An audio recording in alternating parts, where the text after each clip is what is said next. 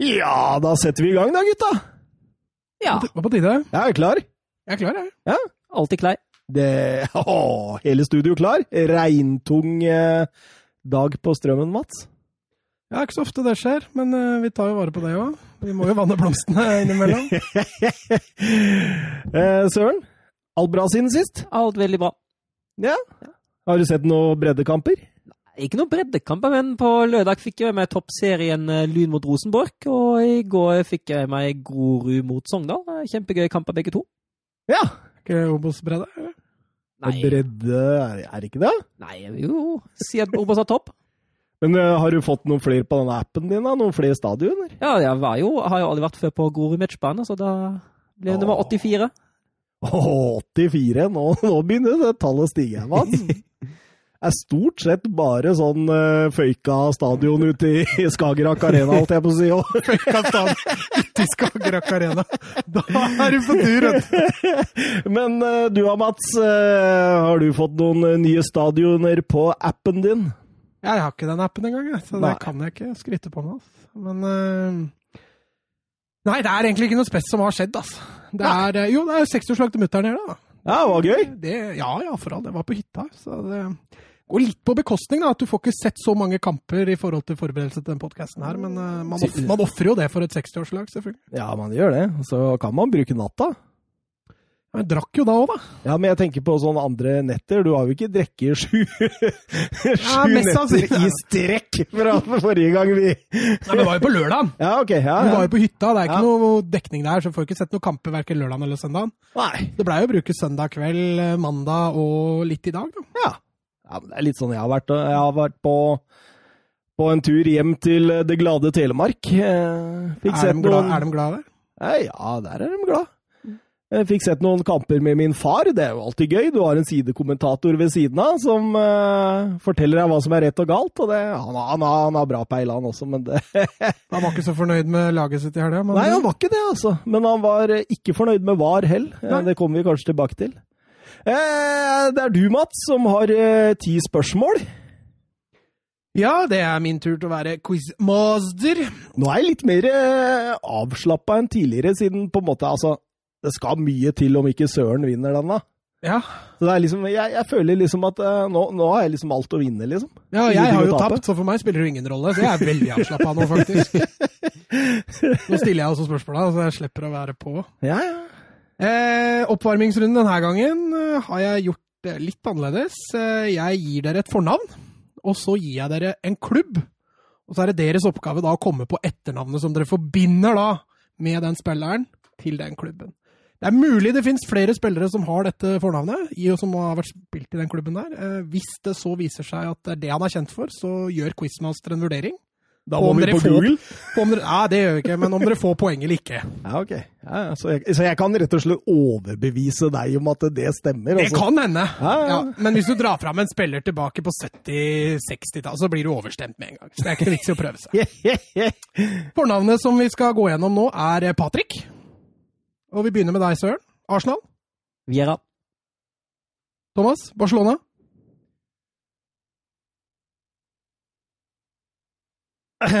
Der er tida ute på Edvardsen. Det var Cloyfert. Ja. Eh, Søren. Gladbach. Andersson. Det er riktig! Å, den er sterk. Thomas. Liverpool. Dette var ikke Patrick Berger. Ja, riktig! Det er riktig, og da etter, eh, etter oppgaven Patrick, så leder Søren 2-1, før vi da går løs på to påstander. Eh, Dere svarer om det er fleip eller fakta. Den første går til deg, eh, Thomas. Dennis Bergkamp har som alle vet eh, flyskrekk, men han har også uttalt at han har skrekk mot å kjøre eh, små biler, og han har derfor aldri tatt førerkort. Eh, jeg sier det er fleip. Det er helt riktig, Sø- Thomas. Søren. Søren Thomas. Søren Thomas. det er vakkert navn. Da er det 2-2, Søren. Matchball til deg. José Manuel Pinto, tidligere Barcelona-keeper, jobber i dag som filmprodusent i Hollywood. Det kan jeg se for meg at det stemmer. Se fakta. Nei, det er fleip. Han jobber som musikkprodusent. Så der var det en liten, uh, liten digresjon. Oi, oi, oi. Da ble det 2-2 og 1-1 etter oppvarmingsrunden der, altså. Spørsmål nummer to er en fortelling. i Thomas Edvardsen ånd. Å, deilig. Vår mann er født 19. mai 1979 i Brescia, og det var på ingen måte gitt at denne unge gutten skulle bli fotballspiller, selv om talentet utvilsomt var stort fra tidlig alder.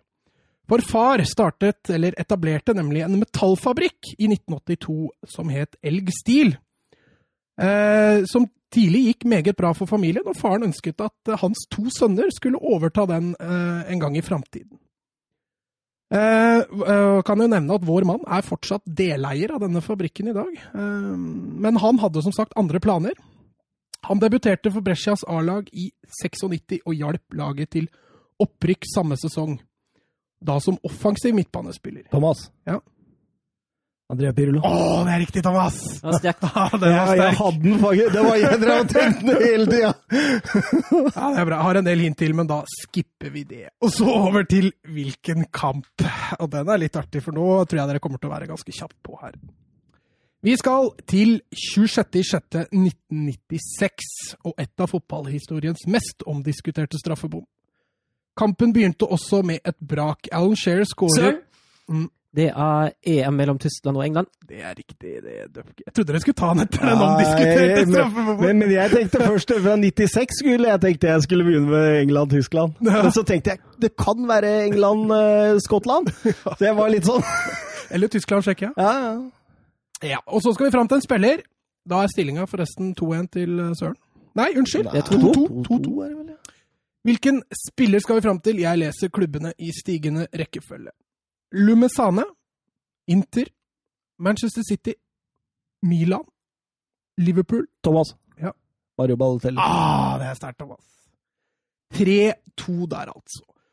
Spørsmål nummer fem går tilbake til den runden vi nå nettopp har hatt. Så var det én spiller som skåra hat trick i de tre store ligaene. Hvem? Sir I den, hvilken, hvilken runde vent litt. I, I den runden vi nettopp har hatt? Ja, korrekt. Du tenker på oppvarmingsrunden, den første? Nei, nei, jeg tenker på serie... Altså Thomas. serie... Ja, Ja. Jeg tar Stirling. det er riktig, det, Thomas. Da er det 4-2. Nå trenger vi et comeback her, eh, Dupker. Atletico Madrid sikret Champions League for 16. gang den helgen her. Hvor mange av dem har Simione Thomas. Ja, det er helt riktig, Thomas. Du skal få For du skriver Jeg heter Åtte, og svaret er Thomas. Det er fantastisk. Da er det 5-2 der, altså.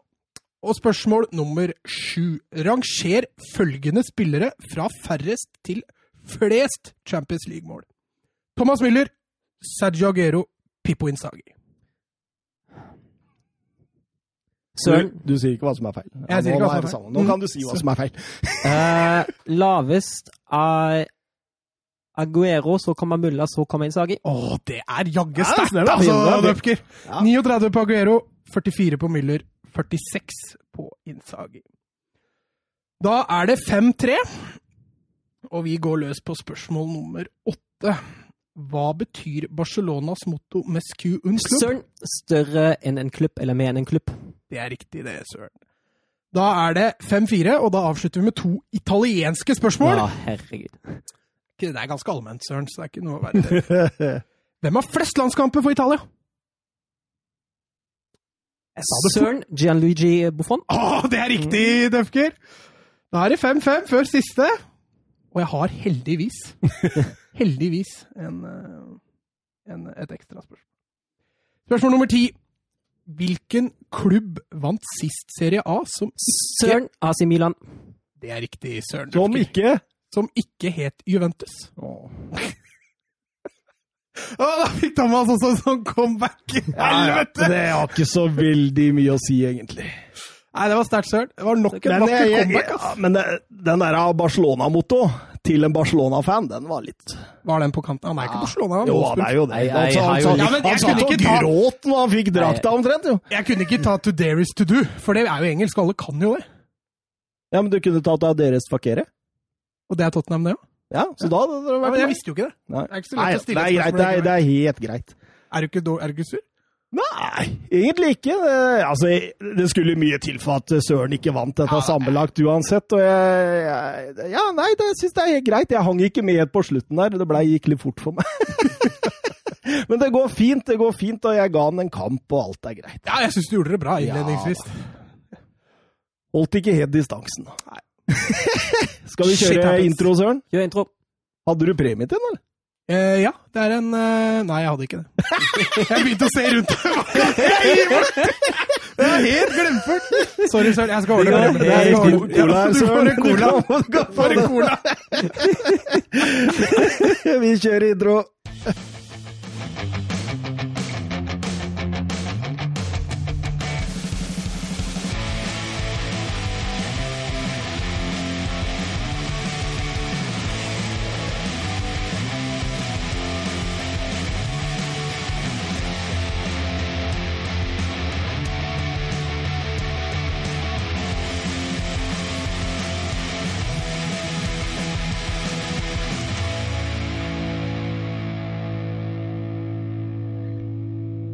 Ja, endelig tilbake etter noe internettrøbbel og litt sånne ting, men eh, det tror jeg ikke lytterne har fått med seg, så Tror du det, Mats? Nei, de har bare hørt intro, det. Ja, det Eh, Du, vi begynner litt med noen eh, Vi fikk noen Twitter-spørsmål her, og um, siden disse liksom på en måte ikke er implementert inn i programmet, da, siden det handler jo om Aston Villa og Newcastle og hele pakka, så må vi rett og slett bare begynne med dem. Eh, kan jo begynne med første spørsmål, og det var eh, fra Jonathan Hobber. Snakk litt om hvilken klubb dere ser for dere Jack Grealish i neste sesong, og hvor god kan han egentlig bli i den klubben? Ja, åssen Har vi noen tanker rundt det, eller? Altså, Tror du han blir hvis Villa holder seg? Nei. Tror du han går for det? Jeg tror ikke han Jeg tror nå at han finner, har funnet ut at eh, Ja, hva, hvem- uansett så tar jeg neste Altså, steg. er han- eh, differensiert, holdt jeg på å si? Er han differensiert? Hva, hva er ordet jeg leiter etter, da? Nei, jeg veit ikke. Kan, kan Men hvor spiller han på banen? Ja, det er offensiv midt, da. hvor er han best? Offensiv midt. Ja, men i Villa spiller han ut venstre. Ja, han kan spille der, og han er jo best i en sånn Off midtrolle. Ja, han er jo det. Hvor han da kan må vi finne en klubb hvor de har det. Ja, Eller, Manchester United tror jeg ikke han kommer inn. ja, men er det ikke de som er nærmest, da? Sånn Jo, jeg også hører det. til ryktene, ja. Men skal han tanke ut Fernandes, da, eller? Nei, men han kan også sikkert spille en indreløper, da. Men det blir ekstremt offensivt. United har jo ikke indreløper heller. Ah, nei, de har jo ikke det. De har, men kanskje ut venstre, da, for en uh... Rashford. Ja. Ja, men altså, Ja, det altså, skal jeg- spilles en 60-70 kamper i løpet av en sesong, ikke sant? Jeg tror også han er nærmest United. Eh, Jeg tror ikke han får plass i City. Jeg tror ikke han er god nok. Eh, Nei. Da blir han en backup. Eh, Jeg tror også han, ah, Per dags dato tror jeg han er det i United også. Arsenal tror jeg kanskje kan være et godt alternativ, for der vil han få spille. Mm. Der vil han gå rett inn i elveren.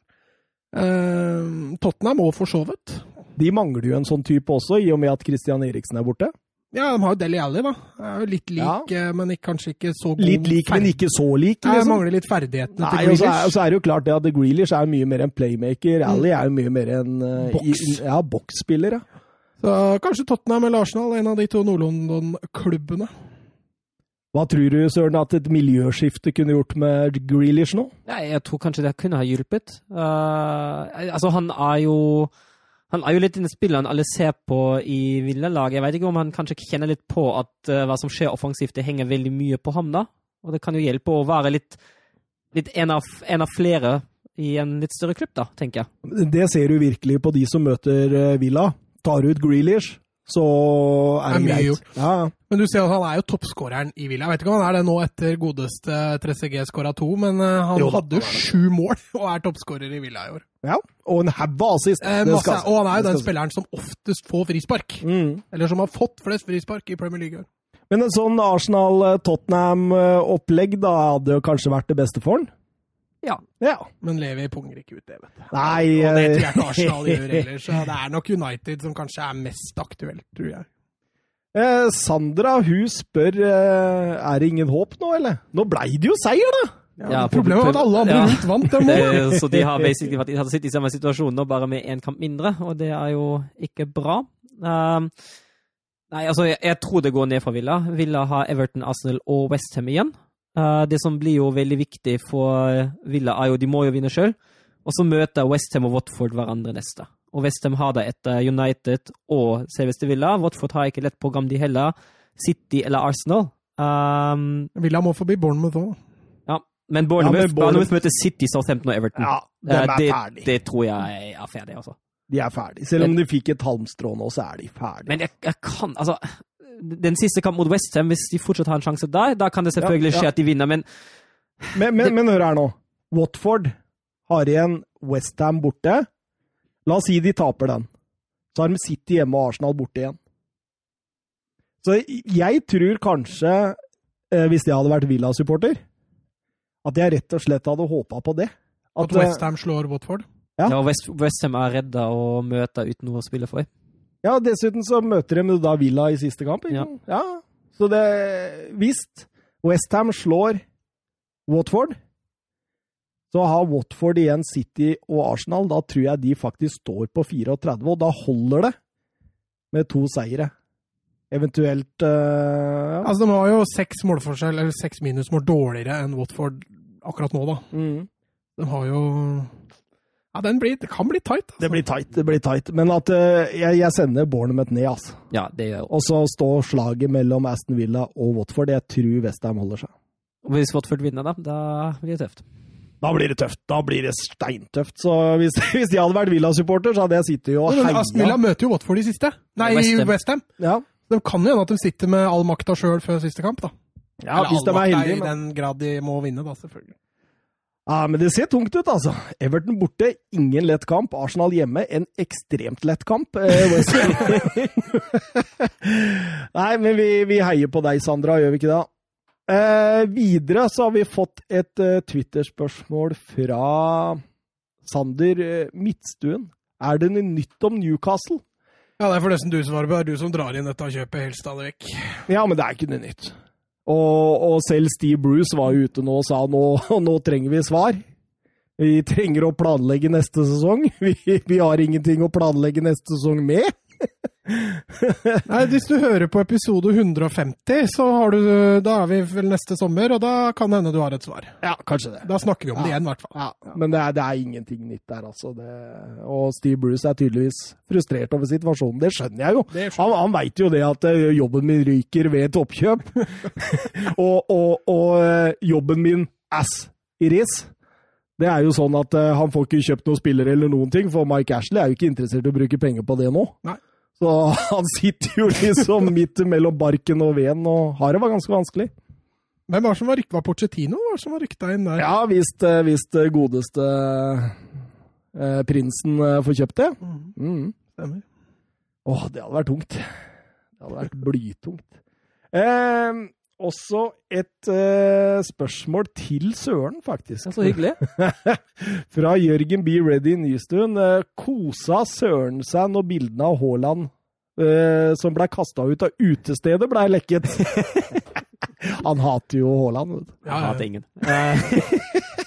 Eh, Han koste seg da. Koste meg. Koste meg. Så stappes, han, han satte i gang en øl og Ja, klokka, klokka ti på morgenen da nyheten kom hjem. Mm. spratt sjampisen av Nei, altså Det var jo ut ut ifra det man leser, var det ikke en dramatisk sak. Det var vel at det var mye oppstyr rundt Bodø til Haaland, som nattklubben sjøl sier. Eh, og at han da ble bedt om å holde seg mest mulig ved bordet, Det etterkommer han ikke, og da ble han bare bedt om å gå. Så ut ifra det jeg har forstått og lest, Utestedet sleit med å overholde koronareglene, Ja, rett og slett. på grunn av Haaland. Eh, som jo kanskje ikke er så rart. Men eh, ja, altså utifra... Det var litt måten han ble kasta ut på der, måten han ble dytta ut i gata der Ja. på. Det var det som var funny. tror han der vakta der var relativt lei. Han så veldig bestemt ut idet ja. han skjøv den ut der. Men utestedet påstår de har prata med Haaland i ettertid, og alt er good, liksom. Men så du svaret til faren hans, da? Ja, det var helt fantastisk. Ja, er det på tide å komme seg ut av skogen? Nightlife, nei, City nightlife is not for you.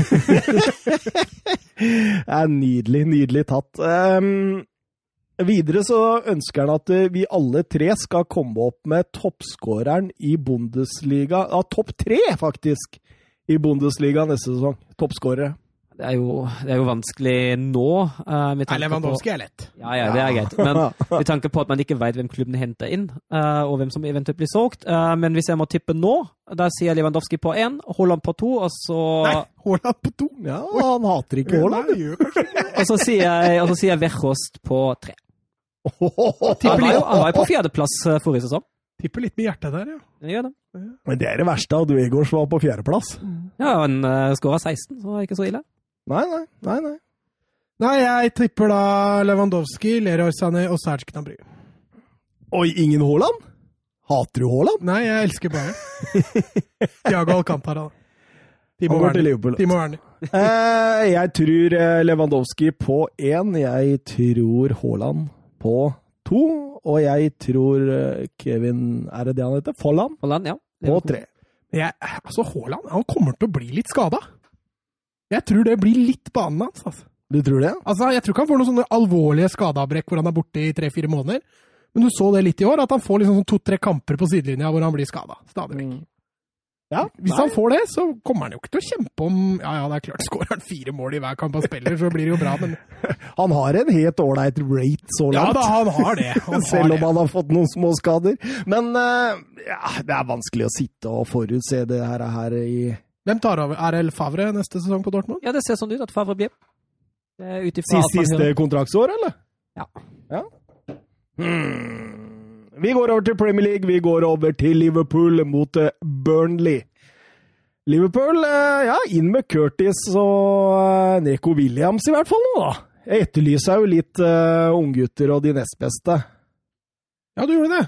Mm. Vi reagerte jo litt på det sist, at han ikke gir dem sjansen nå som gullet er Nå var det i hvert fall to av de største talentene Liverpool har, da som spiller uh, kommer inn fra start her, og det var artig å se på. Jeg syns jo spesielt uh, Curtis uh, Jones gjør en strålende, strålende jobb. Han er en litt sånn Vet du hva? Han minner meg litt om uh, tidligåra Steven Gerrard.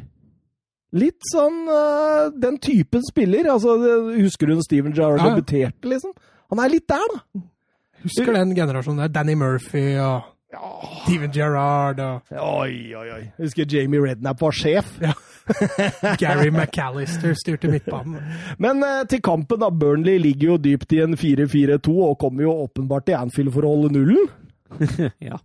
Eh, Curtis Jones eh, nær et par ganger der. Sala litt uh, halvfarlig, men det skulle gå hele 33 minutter før 1-0 kom, og det var jo et nydelig mål også. Ja, herlig, herlig silkefot av Fabinho. Nydelig heading av Robertson der. Ingen sjanse for Pope, som spilte en strålende kamp for øvrig. Ja, den ene redninga han har der. Ja. Han, er nesten, han, er jo nesten inne i målet og plukker ut kula der. Det er sterke Det er vel på tide at den gutten der tar over eh, landslagsjobben for eh, Pickford, vel? Ja, Pickford har vært strålende i Everton i det siste, så Ja, det nesten ble med igjen nå forrige helg. Mener du det, Mats? Nei, Nei du gjør ikke det. Du gjør ikke det. Eh, så da stort sett kontrollerte Liverpool eh, første omgang. Annen omgang eh, begynner jo ganske lik som, eh, som første omgang. Liverpool styrer og steller. Burnley eh, ligger eh, dypt. Men så er det jo dette med Burnley, da. De trenger liksom bare et frispark eller en dødball også. Og så setter J-Rod selvfølgelig 1-1 eh, der. Ja, herlig avslutning da. Å, det er nydelig. nydelig. Og så er det litt ironi at uh, mot slutten av kampen er jo Burnley faktisk nærmest å vinne. Det er jo Liverpool som har kjørt og styrt og vært det beste laget. Og så er det tverrliggeren som, som, står i veien for at Burnley faktisk uh, raner til seg alle tre poeng her. Og da kosa du deg. ja, jeg? Hvorfor? Ja, du sa jo det. Nei, altså, Liverpool ikke var marginer, så satt du og kosa deg. Jeg, jeg syns det var helt greit at Liverpool for en gangs skyld ikke har marginer med seg, men mot seg. Ja, da kosa du deg. Det er det som blir eh, før podkasten, det det blir Å oh, ja, så vi skal ikke snakke om det? Nei. Oh, nei. at Søren kosa seg glugg i hjel for at Liverpool Det skal vi ikke nevne, Mats. My bad. Men uh, det blei jo en stor uh, VAR-sak her også. Jeg tenker jo på um, Robertsen der som uh, blir felt innafor 16 av Gudmundsson. Hva, hva, tenker dere? Burde det være straffe? Ja, jeg syns egentlig det. Jeg syns det kontakt på, det er kontakt på spilleren. Det er, ballen er ikke i nærheten. Han blir felt. Det er straffespark innenfor 16. Soleklart, mener jeg også. Jeg syns Liverpool blir snytt der, og dette er på 1-0, så da kunne de på en måte avgjort det. Eh, men det er, nå har det vært mye var i England, altså. Det var jo eh, I forkant av denne runden så var det jo dratt opp også tre store episoder, blant annet den uh, Kane, når han blir dytta av Joshua King. Og den straffesparket Bruno til Fernandes. Bruno Fernandes, hvor han egentlig stempler han Villa-spilleren, Konsa. Slipper får å få straffe. Han blir belønna for å stemple motstanderen. Skulle egentlig kanskje vært gult til Fernandes. Så nå eh, var sliter i England, altså, med å Jo, nå så jeg dem også, de er oppe og diskuterer om VAR skal, eller om Uefa skal ha egne, egne VAR-retningslinjer over alle, hele linja sjøl, da. Sånn at ikke det engelske forbundet kan styre dette på egen hånd. Ja, jeg syns egentlig det kunne ha vært lurt, for jeg synes det fungerer altså det fungerer jo bedre i andre land. Det er jo ikke 100% perfekt noen steder, men det fungerer bedre. Jeg synes også det fungerte Hvis du ser de hensene i, i Serie A Ja, jo, jo, jo, jo. men den, runden- den runden her var jo spesiell, da. Da vil jeg jo heller si at det er regelen som er feil, ikke vanen. Um, men uh, det fungerer jo bedre, og det fungerer jo også bedre i, uh, i Champions League, syns jeg. Ja, det gjør det. Så Det, jeg ikke, jeg, altså, det blir jo diskusjoner, som du sier, andre steder også. Men i England er det jo Eh. tidvis ekstremt, altså. Mm, det er det. Men Liverpool, da. 1-1, og det har vel ikke så mye å si, egentlig. Altså, det, dere snakker jo om disse her rekordene, men Ja, de er jo fortsatt mulighet til å få Ja. mest poeng. må bare vinne de tre, tre siste. Hvis de tar et, et, to seire og en uavgjort, er det vel likt med City, Mm. litt poengmessig. Så det er fortsatt mulig. Sheffield United, Chelsea 3-0. Ja, hva skjedde der? Altså, Det er sjelden du ser en kamp hvor uh, det ene laget har 76% av ballen, men taper 3-0. Det, det, det er ekstremt sjeldent.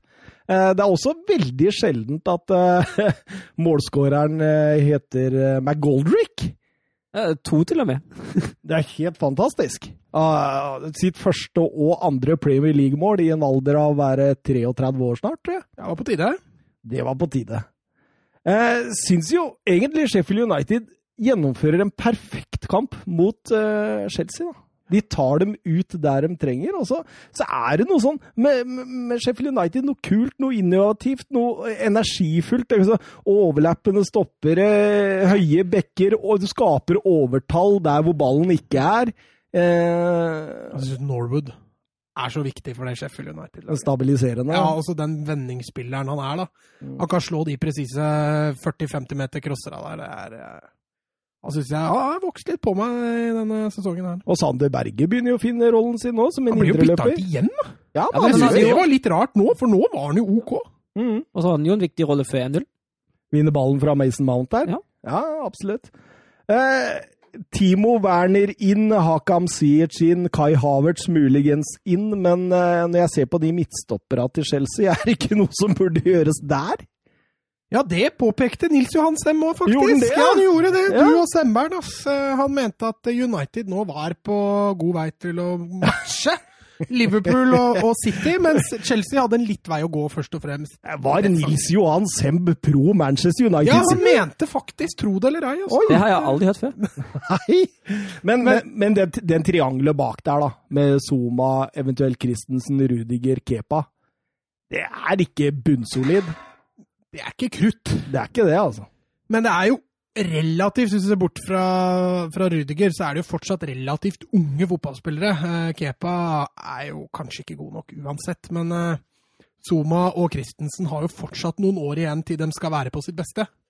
De stopper, altså. Eh, men jeg er helt enig med deg. City, nei, City, Chelsea trenger en forsvarssjef. Altså, når Rudiger ikke er der, så er det veldig synlig. Og Frank Lampard var kanskje heldig da, med at både Manchester United og Leicester avgir poeng i ettertid. Ja, det tetter seg ekstremt til, i hvert fall. Det gjør det. Og særlig nå når vi vet at eh, Manchester City ikke får en dom, det skal vi litt tilbake til seinere, så, så er det jo bare fjerdeplassen som er up to grabs, ikke denne femteplassen som kunne Ja, da er jo tredjeplassen like mye like nære, hvis vi kan si det Ja. sånn. Altså, det er jo en av de tre som antageligvis ender der, selv om også Wolverhampton har vist eh, gryende form. Det er vel kanskje litt langt opp. Ja. Brighton, Manchester City et do, Altså, det er, det er sjelden man ser så dominant spill i en, på en Premier League-arena som dette her. Altså, Brighton hadde ikke kjangs i verden! Nei, den var ikke, var ikke i nærheten, faktisk. Eh, De hadde ikke et eneste skudd på mål. Hadde vel rundt 30, på, 30 ball possession, og City dominerte fullstendig. Altså. Det virka som at City kunne nesten bestemme seg hvor mange mål de skulle skåre, Søren. Ja, jeg satt faktisk med akkurat samme tanke, i hvert fall litt sånn ute i andre omgang. Sånn tenkte jeg etter, etter, etter 4-0. Da tenkte jeg at hvis City orker, da blir det virkelig stygge sifre. Men Stirling orka. Stirling, Stirling orka, og så skåra han jo et fantastisk Er det tidenes mest eh, morsomme, klønete, men samtidig eh, kule mål? Ja, jeg vil si det. Men du, du ser jo han mener det. Ja, Han setter jo hodet til når han har falt der, og mellom beina på Ryan. Og nei, det var eh, Og er helt fantastisk. Eh, City nå eh, ser ut som de bruker Premier League til å liksom finspisse formen mot Champions League nå. ja eh, heldigvis så satte jeg City som storfavoritt før eh, Champions League-runden. Jeg eh, Jeg angrer litt på at jeg ikke gjorde det. Jeg har vel Bayern München, hadde jeg ikke det? Jo, du hadde Bayern. Eh, Jeg tror Nei, City ser. Men så har City hatt den evnen i år, da, med at de kan dominere stort, allikevel tape en fotballkamp. Og, Ja, Det Men så vi jo allerede i forrige runde. ja da, men nå mot Brighton var de det, var, det hadde ikke vært mulig for City å tape den kampen. her. Vebjørn Fredheim eh, på Twitter. eh, Litt Manchester City og Cas må være lov å forvente i kveld. Ja, gutta. Manchester City de eh, anket sin millionbot og to sesonger utestengelse av Champions League til Cas. Det blei, eh, om ikke full frifinnelse, så blei det Champions League-spill, og det blei eh, en mye, mye mindre bot. Eh, Har vi noen kommentarer, eller? Ja, jeg syns jo at det var et slag for Uefas FFP-ordning, hvis vi kan kalle det det. Som allerede egentlig er litt omdiskutert. Det er den absolutt. Men, men altså, City slipper jo fryktelig billig unna i forhold til hva de er beskyldt for. Og så er det som vi snakka om litt før podkasten òg, at de eh, Uefa har kanskje opptrådt litt, litt dumt i denne saken her, men, eh, Men, City slipper fryktelig billig unna, altså. ja, men veit vi om de slipper billig unna? Fordi altså, nå kom, Ja, altså, det, nå kom altså- det jo rapporter fra han eh, godeste, han som følger den saken ekstremt tett i England, han Evans, han eh, journalisten, husker ikke hvor han jobber, som, som, som sier det at eh, den der Football Leaks, den er ikke vurdert engang. Det er ikke en del av det. Eh, Nei, nei, fordi- men, men det er ikke dermed sagt at det som står i Football Leaks er feil. Uh, nei, men, det, man, men vi, vi må jo diskutere retten. Vi kan jo ikke diskutere det som kanskje er, og hvor Altså, det er- Vi veit jo men- ikke hvor de dokumentene det- stammer fra engang. Nei, nei, men hvis det som er i dokumentet der er riktig, så kan vi jo også diskutere det uten at det nødvendigvis skulle påvirket dommen. Men samtidig så er det dokumenter som vi i 90 minutter kanskje like godt kunne ha sittet og skrevet, hvis du skjønner? Jo, jo. Men hvis det er sant, Ja, det var det jeg skulle fram til, så er det, mener jeg det at det må være mulig å diskutere den saken. ja men, Selv om ikke det har vært men, innunder men, den men, men dommen. jeg har jo lyst til å diskutere dommen, da. Ja, ja, kjør på. Eh, i, I all hovedsak så er det der jeg vil, fordi altså Åh, det, det er mye urettferdighet i verden. Sånn er jo sånn vil det alltid være. Men eh, det, det som Altså, vi må ta fakta her nå. Og fakta de er jo ikke så mange, i og med at denne rapporten fra CAS ikke har kommet fram.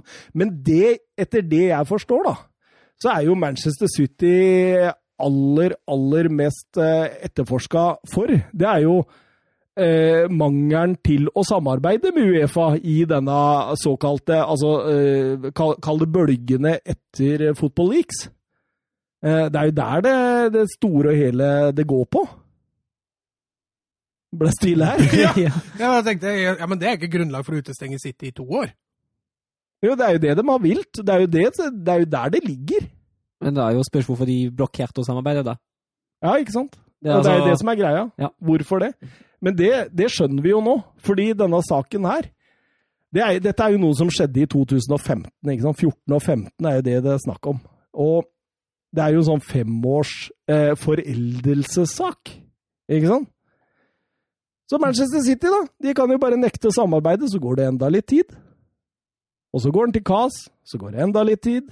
Og så er jo plutselig saken forelda. Ja, det, er jo, det er jo helt skandale at det er foreldre når denne ankesaken tas. Og det burde jo kanskje Foreldringstidspunktet burde kanskje være når man begynner å etterforske ting, da. Eller i hvert fall når den opprinnelige dommen falt. Det, altså, det, det, det, det vil meg ikke inn i hodet at når en dom blir felt på, grunnlag av, på grunnlag av en sak, en viss dato, så skal det være ankesakens dato som avgjør om ting er forelda? Nei, det er jo det er for så vidt greit, og det er jo juss, eh, Søren, men, men, hvis du sitter i KAS da, og skal ta en vurdering Du må jo få det til jussen. Ja. ja. ikke sant? Ja. Og, da, og, og, og, det er jo enkelt og klar, eh, greit, tenker jeg. Fordi eh, nummer én, det er forelda. Nummer to, det er dårlig bevis. Det er de to tinga KAS foreløpig har sagt det er. Mm. Ja, og ja, nei, altså jeg, Som jeg sa innledningsvis, altså jeg, dette er et blow for Uefa, måten de har jobba på, og måten Financial Fair Play er satt opp på.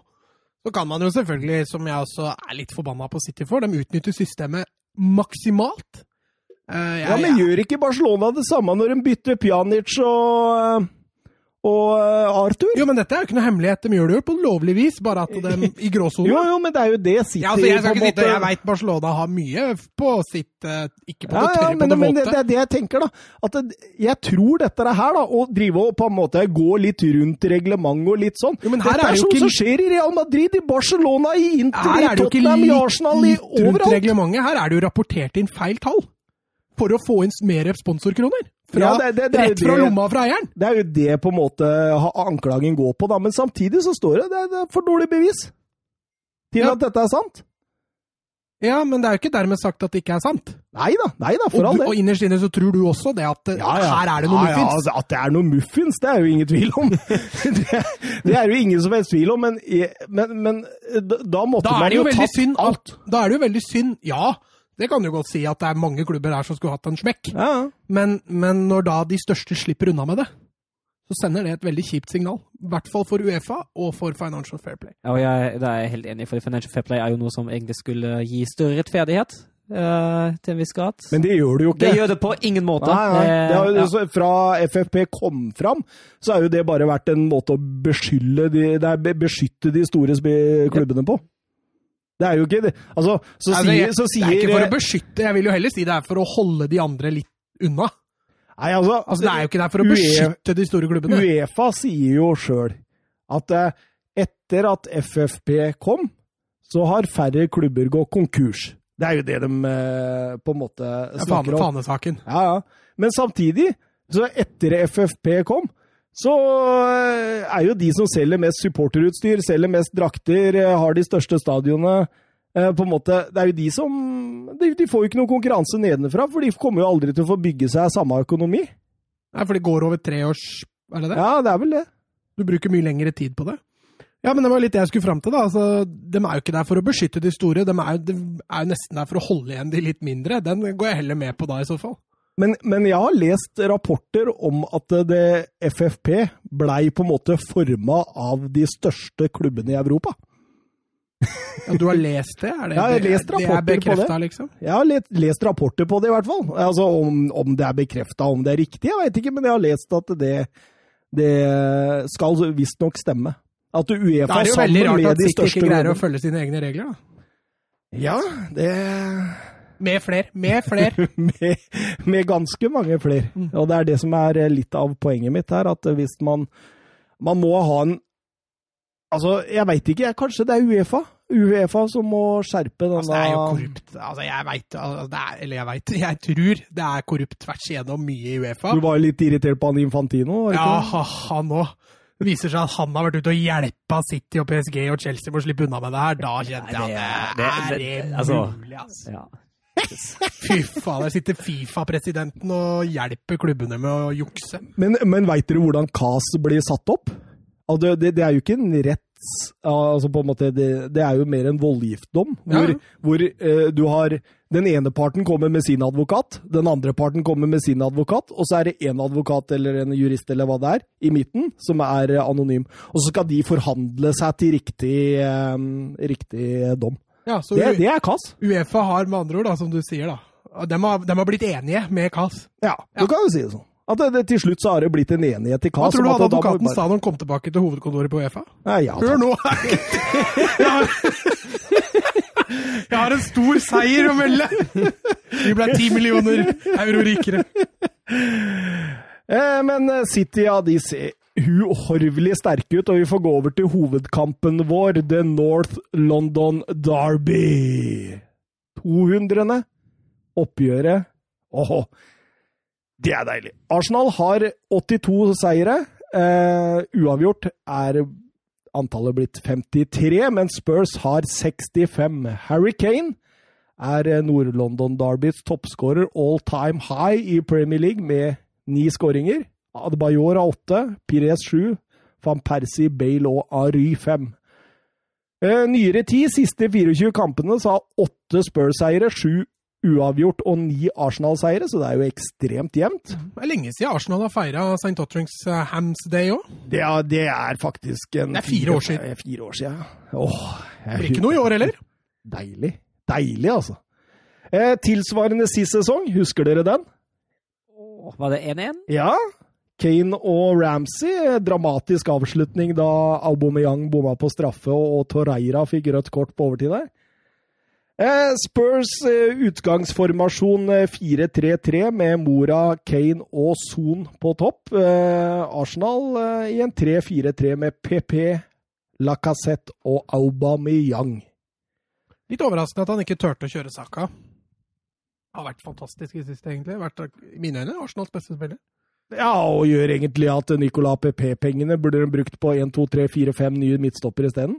Ja, Skulle de ha kjøpt fem midtstoppere for den prisen, her, så hadde de jo ikke fått noe bedre enn det de allerede har. da, Men uh, de kunne brukt på én spiller, så hadde de fått en bedre enn det de har. ja, eller tre. var, ikke, var ikke 70 millioner euro? Det, det, du får tre gode stoppere for det, altså. Ja, Du må under Bedre enn. Louise og Ja, men der er det blodpris. Eh, stillingskrig de første minuttene, men eh, åpenbart at begge lag har lyst til å angripe, i hvert fall. Ja, står jo, står jo høyt, eh, høyt begge. Offensiv utretta. Så ser man jo at eh, Spurs, selv om 4-3-3 kanskje er grunnordninga, står jo med i en 4-4-2, syns jeg. Ja, når de forsvarer seg, Ja. gjør de det. Men ikke når de Nei, nei, nei. angriper. Er Men, i Spurs første fem minuttene fryktelig offensive. Eh, hadde lyst til å vinne ballen så langt inn på Arsenals banehalvdel som mulig. Og kampen preges jo, må jeg si, de første ti minuttene av det høye presset fra begge lag. Det er mye feil og Det, det går fort. Det er mye feil. altså. Jeg sa det, det Louise slurver en del ganger, syns jeg. Det er ikke bare han Kolasinac, eh, Aurier, det er mye rart der. Men Arsenal forsøker å stå høyt med bekkene for å hindre spesielt Aurier rundt. Jeg tror eh, det var en av eh, Ja, men Jeg føler begge managere gjorde forarbeidet der, for du så indreløperne til Tottenham defensivt var fryktelig breie. altså. mm, Absolutt. Å, altså det, og det skjønner jeg, hvis du veit du har Aurier på høyrebekk og du skal møte Tierney og Aubameyang Han må ha hjelp. Du må tenke han må ha hjelp. Men eh, ja Første sjanse, Kane. Det er mora der som snurrer rundt med PP etter han har mista ball. Eh, Mista ball. Først, altså Det mottaket der, det kunne alle oss tre gjort mye bedre. Og den førsteforsvarsjobben han gjør etterpå der, den kunne alle oss tre gjort mye bedre. jeg prøvde å være snill. Ja, fy faen. Det var helt grusomt å se på. Satt og irriterte meg grønn over PP første kvarteret. Han var så dårlig! Han ødela så mye. Og du så når Beirin satte fart på høyresida PP visste jo ikke hvor han skulle løpe hen engang! Han bare sto der! Han visste ikke skal jeg angripe rom, skal jeg møte, skal jeg stikke? Han bare sto der og var i veien. Ja, Det er slitsomt, eller? Men, men jeg har jo snakka om det, at det kommer til å bli en av bomkjøpa i år. Har snakka om det Altså, før den- sesongen. jeg. Ja, men altså, jeg, jeg kjenner jeg irriterer meg. Det er ikke så ofte jeg irriterer meg sånn, men han irriterte meg. Jeg ser du ass. blir Ja. engasjert. Jeg blei så irritert. Jeg satt og så kampen med Brutt her nå, Tottenham-supporter. Da blir det til at du heier litt på det andre laget, Ja, bare for å ha litt stemning. Ja. Og da ødela PP mye, ass. Men eh, ja, eh, Kane eh, rister seg løs fra markeringa på Granit Xhaka der og lurer seg inn bak ryggen på Louise. Eh, prøver å forsøke å, han forsøker å lobbe. Bra, Martinez. Han leser det som Går raskt ut. gårsdagens VG, altså. Mm, Syns Martinez var bra. Ja. Mm, men Tottenham er i ferd med å tilrive seg et initiativ i denne fasen av kampen. Aubameyang får en sånn halvveis sjanse han bommer på Ja, jeg der jeg syns ikke den er halvveis. Jeg syns den er større enn ser ut. Det blir ikke noe avslutning, men han bommer. Altså, treffer han ballen, da blir en, eh, blir Han sa du stor. større enn Nei, jeg syns den, den er større enn ser ut uten avslutning. Ser Eh, ut. Altså, Hæ?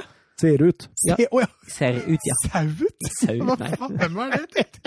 Han satt og så på meg som en spørsmålstegn. Han snakker. Nei, altså- sau ut. Men altså, altså hvis, han, han er jo bare et balltreff unna deg å få en, eh, få en eh, ganske brukbar mulighet. Altså. Ja, men likevel det, det, det, Altså ja, Nei, det, er- det er greit, Søren. Du skal, du skal få det. Men så kommer jo målet, da. Etter 15 minutter à la cassette. Ja, starter vel med å regjere. Altså, han andre jeg irriterte meg over. Ja, men han gjør en god jobb to ganger der, før han Nei, han gjør ikke det. Jo. Nei, han gjør én god jobb. Det er når han leser spillet. Og så surrer han det til først med et dårlig mottak, og så rusher han opp i presset etterpå for å feilberegne. Ja, men først så avbryter han jo den Ja, og det er det bra! Ja, og ja, du snakker om enda et og trekk så tilbake, ja. bryter han jo fra Sjaka. ja Men snakker- så kommer jo det dårlige. Ja, for da Først bommer han jo i mottaket, kan jo selvfølgelig skje den beste. Men så skal han rette opp feilen sin, feilberegner totalt og bommer både i takling og, og, og, og, og presset sitt. Og da er det jo hurra meg rundt og rett fram for Arsenal. Nydelig mål. Absolutt. Han traff der. Ja, det var, eh, det var et Peter Wernie-mottak. Og så får Arsenal ha betalt uh, for at de flytter en, en av de sentrale midtbanespillerne, og det er jo gjerne Chaka. Uh, litt høyere, høyere i press når Tottenham uh, har ballen lavt. Det har de gjort ved flere anledninger enn ene gang de får betalt, men eh, ja. Ja, nei, jeg, jeg syns ikke det var så ille av Aurier som eh, Mats, jeg, da. Fordi altså, det eneste han gjør der, det er jo det at han får ballen litt for langt foran seg etter å ha gjort en god jobb to ganger med å stoppe angrepa på den sida. Ja, men han, altså Når du surrer det til to ganger, da Tar først det dårlige mottaket, og så det dårlige press, eller feilberegninga etterpå. skal Ja, han det. går jo i taklinga så du synger etter deg. Jo, men han feilberegner jo. Ja. Altså Det han må gjøre der, må jo være mer tålmodig Mm. i det presset. Da Altså, klarer han å stå, hvis, hvis han tvinger, tvinger Hvem er det som går i presset på den der? Det er, Sjaka, er ikke det? er det Sjaka. Hvis han greier å få Sjaka til å feilvende seg, så har han jo vunnet. Mm. Da kommer han jo best ut av det uansett. Men når han ruser der og bommer i tillegg, da gjør han en, egentlig en dårlig jobb. Det er jo der sjansen skjer. Ja. Men, det er klart, eh, altså, det er jo ikke ferdigskåra når Lacassette får ballen. Nei, Det, nei. er- det er fortsatt en jobb som må gjøres der, og, og sånn at det kunne vært retta opp etter at Aurier surra. Ja. 1-1. Noen minutter etterpå. Er på den andre sida. Kolasinac klarer ikke å treffe Louise. Altså, ja, Louise ser jo ut som Ja, Harry Maguire på, ja. ja, på det ja. Og så er det liksom Og når du først slår den pasningen, da, så er du kanskje en av spillerne i Premier League du helst ikke vil servere. Nei, altså, sånn rettvendt er, er livsfarlig, og spesielt da når du kommer én mot én med David Louise, så ser det jo Så ut han som bare løper fra den. og kattens lek med en død mus. Så det Nydelig skip vender tilbake der. ja, veldig bra avslutning. Over eh, Martinez og 1-1, og den var viktig, altså. Ja, for Tottenham var eh, litt i ulaget når Arsenal tok eh, ledelsen der. Mm. Eh, men eh, ja eh, se, eh, Det jeg la merke til, da, veldig godt i denne fasen her, det er ofte at Tottenham ender i et overtall på midten. Selv med 4-3-3 mot 3-4-3. Altså, veldig sånn Altså jeg prøvde å forklare pappa det når jeg satt og så kampen med ham. fordi altså, når, når du spiller eh, tre på midten mot fire på midten, så vil du jo anta at, at de på fire på midten er i overtall. Men når Ikke sentralt. Nei, ikke sant? Det er det som er greia. Fordi de blir tre mot to sentralt. Tottenham, altså. Og der vinner de mye, og jeg fatter ikke hvorfor ikke de klarer å, å At Arsenal ikke klarer å eh, omstille seg på en eller annen måte her, fordi de blei rundspill på midtbanen til tider. Jo, men så samtidig da, så greide jo ikke Tottenham å utnytte det noe særlig. da. Ja, men jeg, mulig, er jeg syns, jo, syns jo Tottenham eh, er desidert best gjennom førsteomgangen. Ja, men de skaper jo ikke mange Er store du, muligheter. Syns du at de er, liksom er desidert best? Ja, jeg klart følte det var uh, ganske jevnt utover i første gang. Jeg veit ikke. Så, så du kampen mange ganger, eller? Nei, ja, mange ganger. Nei, jeg har sett den tre, skjønner du. Ja, ja, nei, så mange ganger har ikke jeg sett den. Eh, Etter 20 minutter, Sissoko-sjanse. Eh, Lo Celso oppover, bruker Aurier ut på høyre. Lo Celso var bra. Han Ja, han var- I første omgang. I første omgang. Eh, Sissoko eh, hopper over innlegget, men får den tilbake av en, eh, en småpanisk eh, Mustafi. Ja, han er stort sett det, han. Og fra fem meter så får han ikke kontroll på ballen. Den er stor, altså. Men det er litt, får han litt For jeg tror Sissoko er ikke så veldig ofte i de posisjonene. Ja, og det, altså, det blir, han, du ser han blir stressa med en gang han får ballen. 30 minutter. eh, Ben Davies sin eh, kanonkule. Ja, han prøvde jo å svare på Lacassette. Det var veldig synd at sånne ikke går inn, for det er så stjernetreff at uh, Han er vel på ballen der, Martinez, Ja, men hadde- jeg tror ikke han hadde gått inn for det. Nei, du tror ikke det? Jeg tror han fortsatt hadde gått Ja. veldig ut, for det er så, er så, lite, det er så liten retningsforandring der at uh, Men uh, ikke ta fra Ben Davies noe som helst. Eh, utover omgangen da så blir det jo ikke sånn voldsomt mange sjanser. Det, det ebber ut med 1-1. Eh, har ikke så veldig Har du mer å, å melde, Søren? Nei, Det var jo kanskje det skuddet til PP fra 20 minutter som Ja, det utenfor. køla han. Ja, det var jo ikke dårlig forsøk det heller. Eh, utenom det Jorisa har god kontroll Ja, jeg synes det. Utenom det er jo, er jo Arsenal som søker eh, å komme seg på kant, eh, men da, det, skjer jo, det skjer jo lite. Altså Der har Tottenham gjort hjemmeleksa sine Ja. indreløpere, spesielt på høyresida med Aurier og, og Sissoko. Jeg syns Sissoko var fantastisk. Ja, han var bra. Han var veldig Han ødela Tierney. Tierney kom jo knapt nok til et innlegg. Mm. Jeg syns Sissoko hadde en strålende første omgang, og dels annen omgang Mm. Eh, annen omgang eh, starter jo, og da er faktisk Arsenal klart best i starten der. Eh, tar tak i ballen, eh, har fått opp eh, presisjonen sentralt i banen. Flytter også opp bekkene mye tidligere i Mm. oppspillfasen. Slik at Spurs må ta mye mer hensyn til Tierney og Beirin som kommer det. Og, og det blir noen halvsjanser der. Lacassette, PP. Men skal helt til 59. minutt før Aubameyang-sjansen der. Ja, Sterk pasning av Lacassette, som sender den ut til Aubameyang, og han klinker den i tverrliggeren. Det er sånn lukke øya og druse-avslutning. mm. Litt svakt av Aldeverell der òg. Kanskje det eneste svake han gjorde i kampen der. når han eh, Lar eh, mottaket. spille ballen ut, er det det du mener? Han skal stenge av den muligheten? Nei, Han, ja, han, eh, han slurver i mottaket der. Å ja, sånn er eh, Før uh, Lacassette, ja. Så får Lacassette få snappa han opp. Mm. Eh, men Arsenal styrer på dette tidspunktet. Ceballos og Sjaka har jo fått mye bedre kontroll på midten. Tottenham ikke like flinke å få, flinke å få involvert Lo Celso og Sissoko. Nei, det, det er noe av det merkeligste man har sett i den kampen her, var hvordan Lo Celso forsvant. Og så så du i starten av første omgang, nei, andre omgang, så virka han litt irritabel. Så du det? Og jeg tenkte, han fikk jo gult kort tidlig. Mm.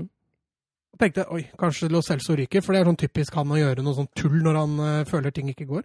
Men den andre gangen, han var jo så Altså, Ja, han han, falt ut. Hva skjedde Mm. fra første gangen, hvor han var så lysende, liksom? Arsenal-bytte, PP ut. Det Ja, på tide. Saka inn. Eh, frykta litt det byttet. Ja, jeg skjønner.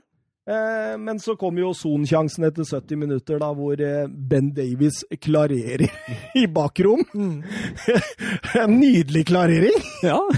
Kane der som bare rister av seg Mustafi, og 45 ut til Son, som får ballen litt for nær seg, egentlig. Sånn at eh, han ikke kommer til avslutning. ja, og nok en gang sterkt lest av Martinez der, som var raskt ute og forstyrra sånn. Var det Martinez?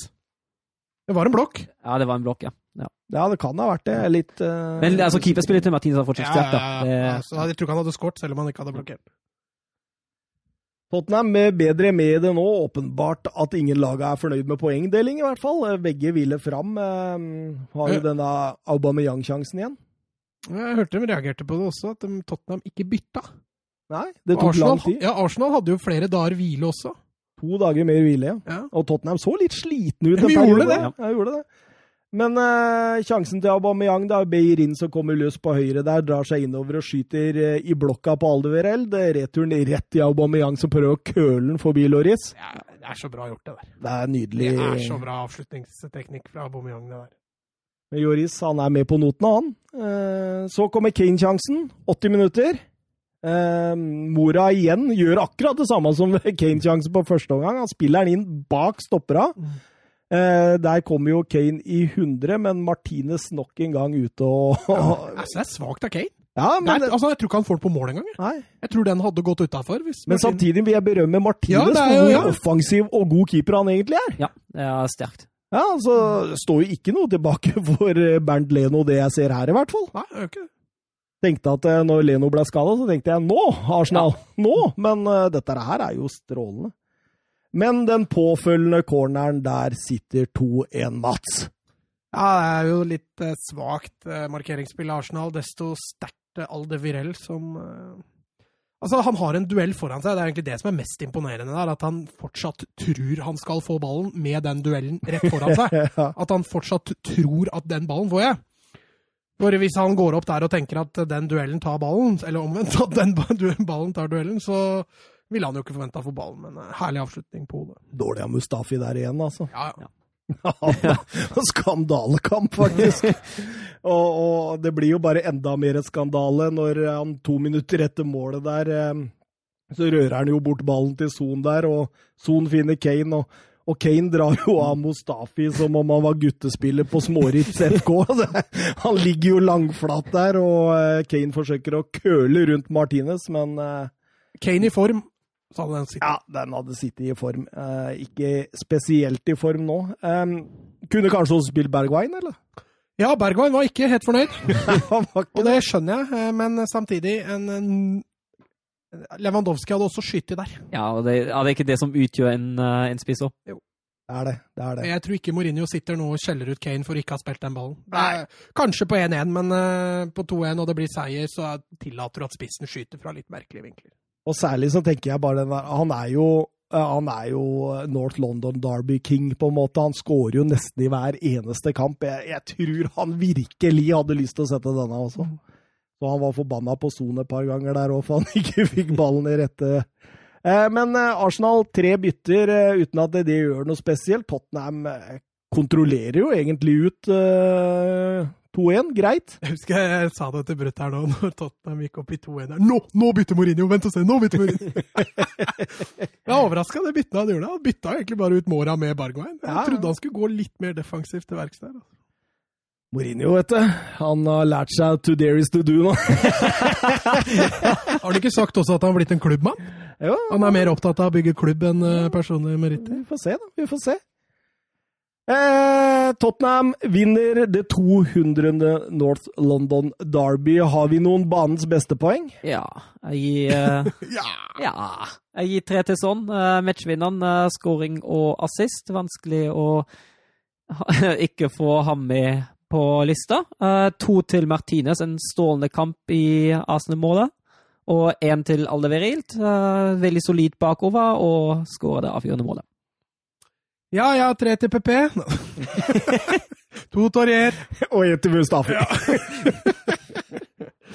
Nei, jeg har ikke det. Eh, Jeg lander faktisk på Ceballos eh, på tre poeng. Jeg syns han, spesielt i andre omgang og, slutten av første omgang, er, han er lyspunktet til Arsenal. Eh, Han er kreativiteten bak der. Han er også en ballvinner blitt.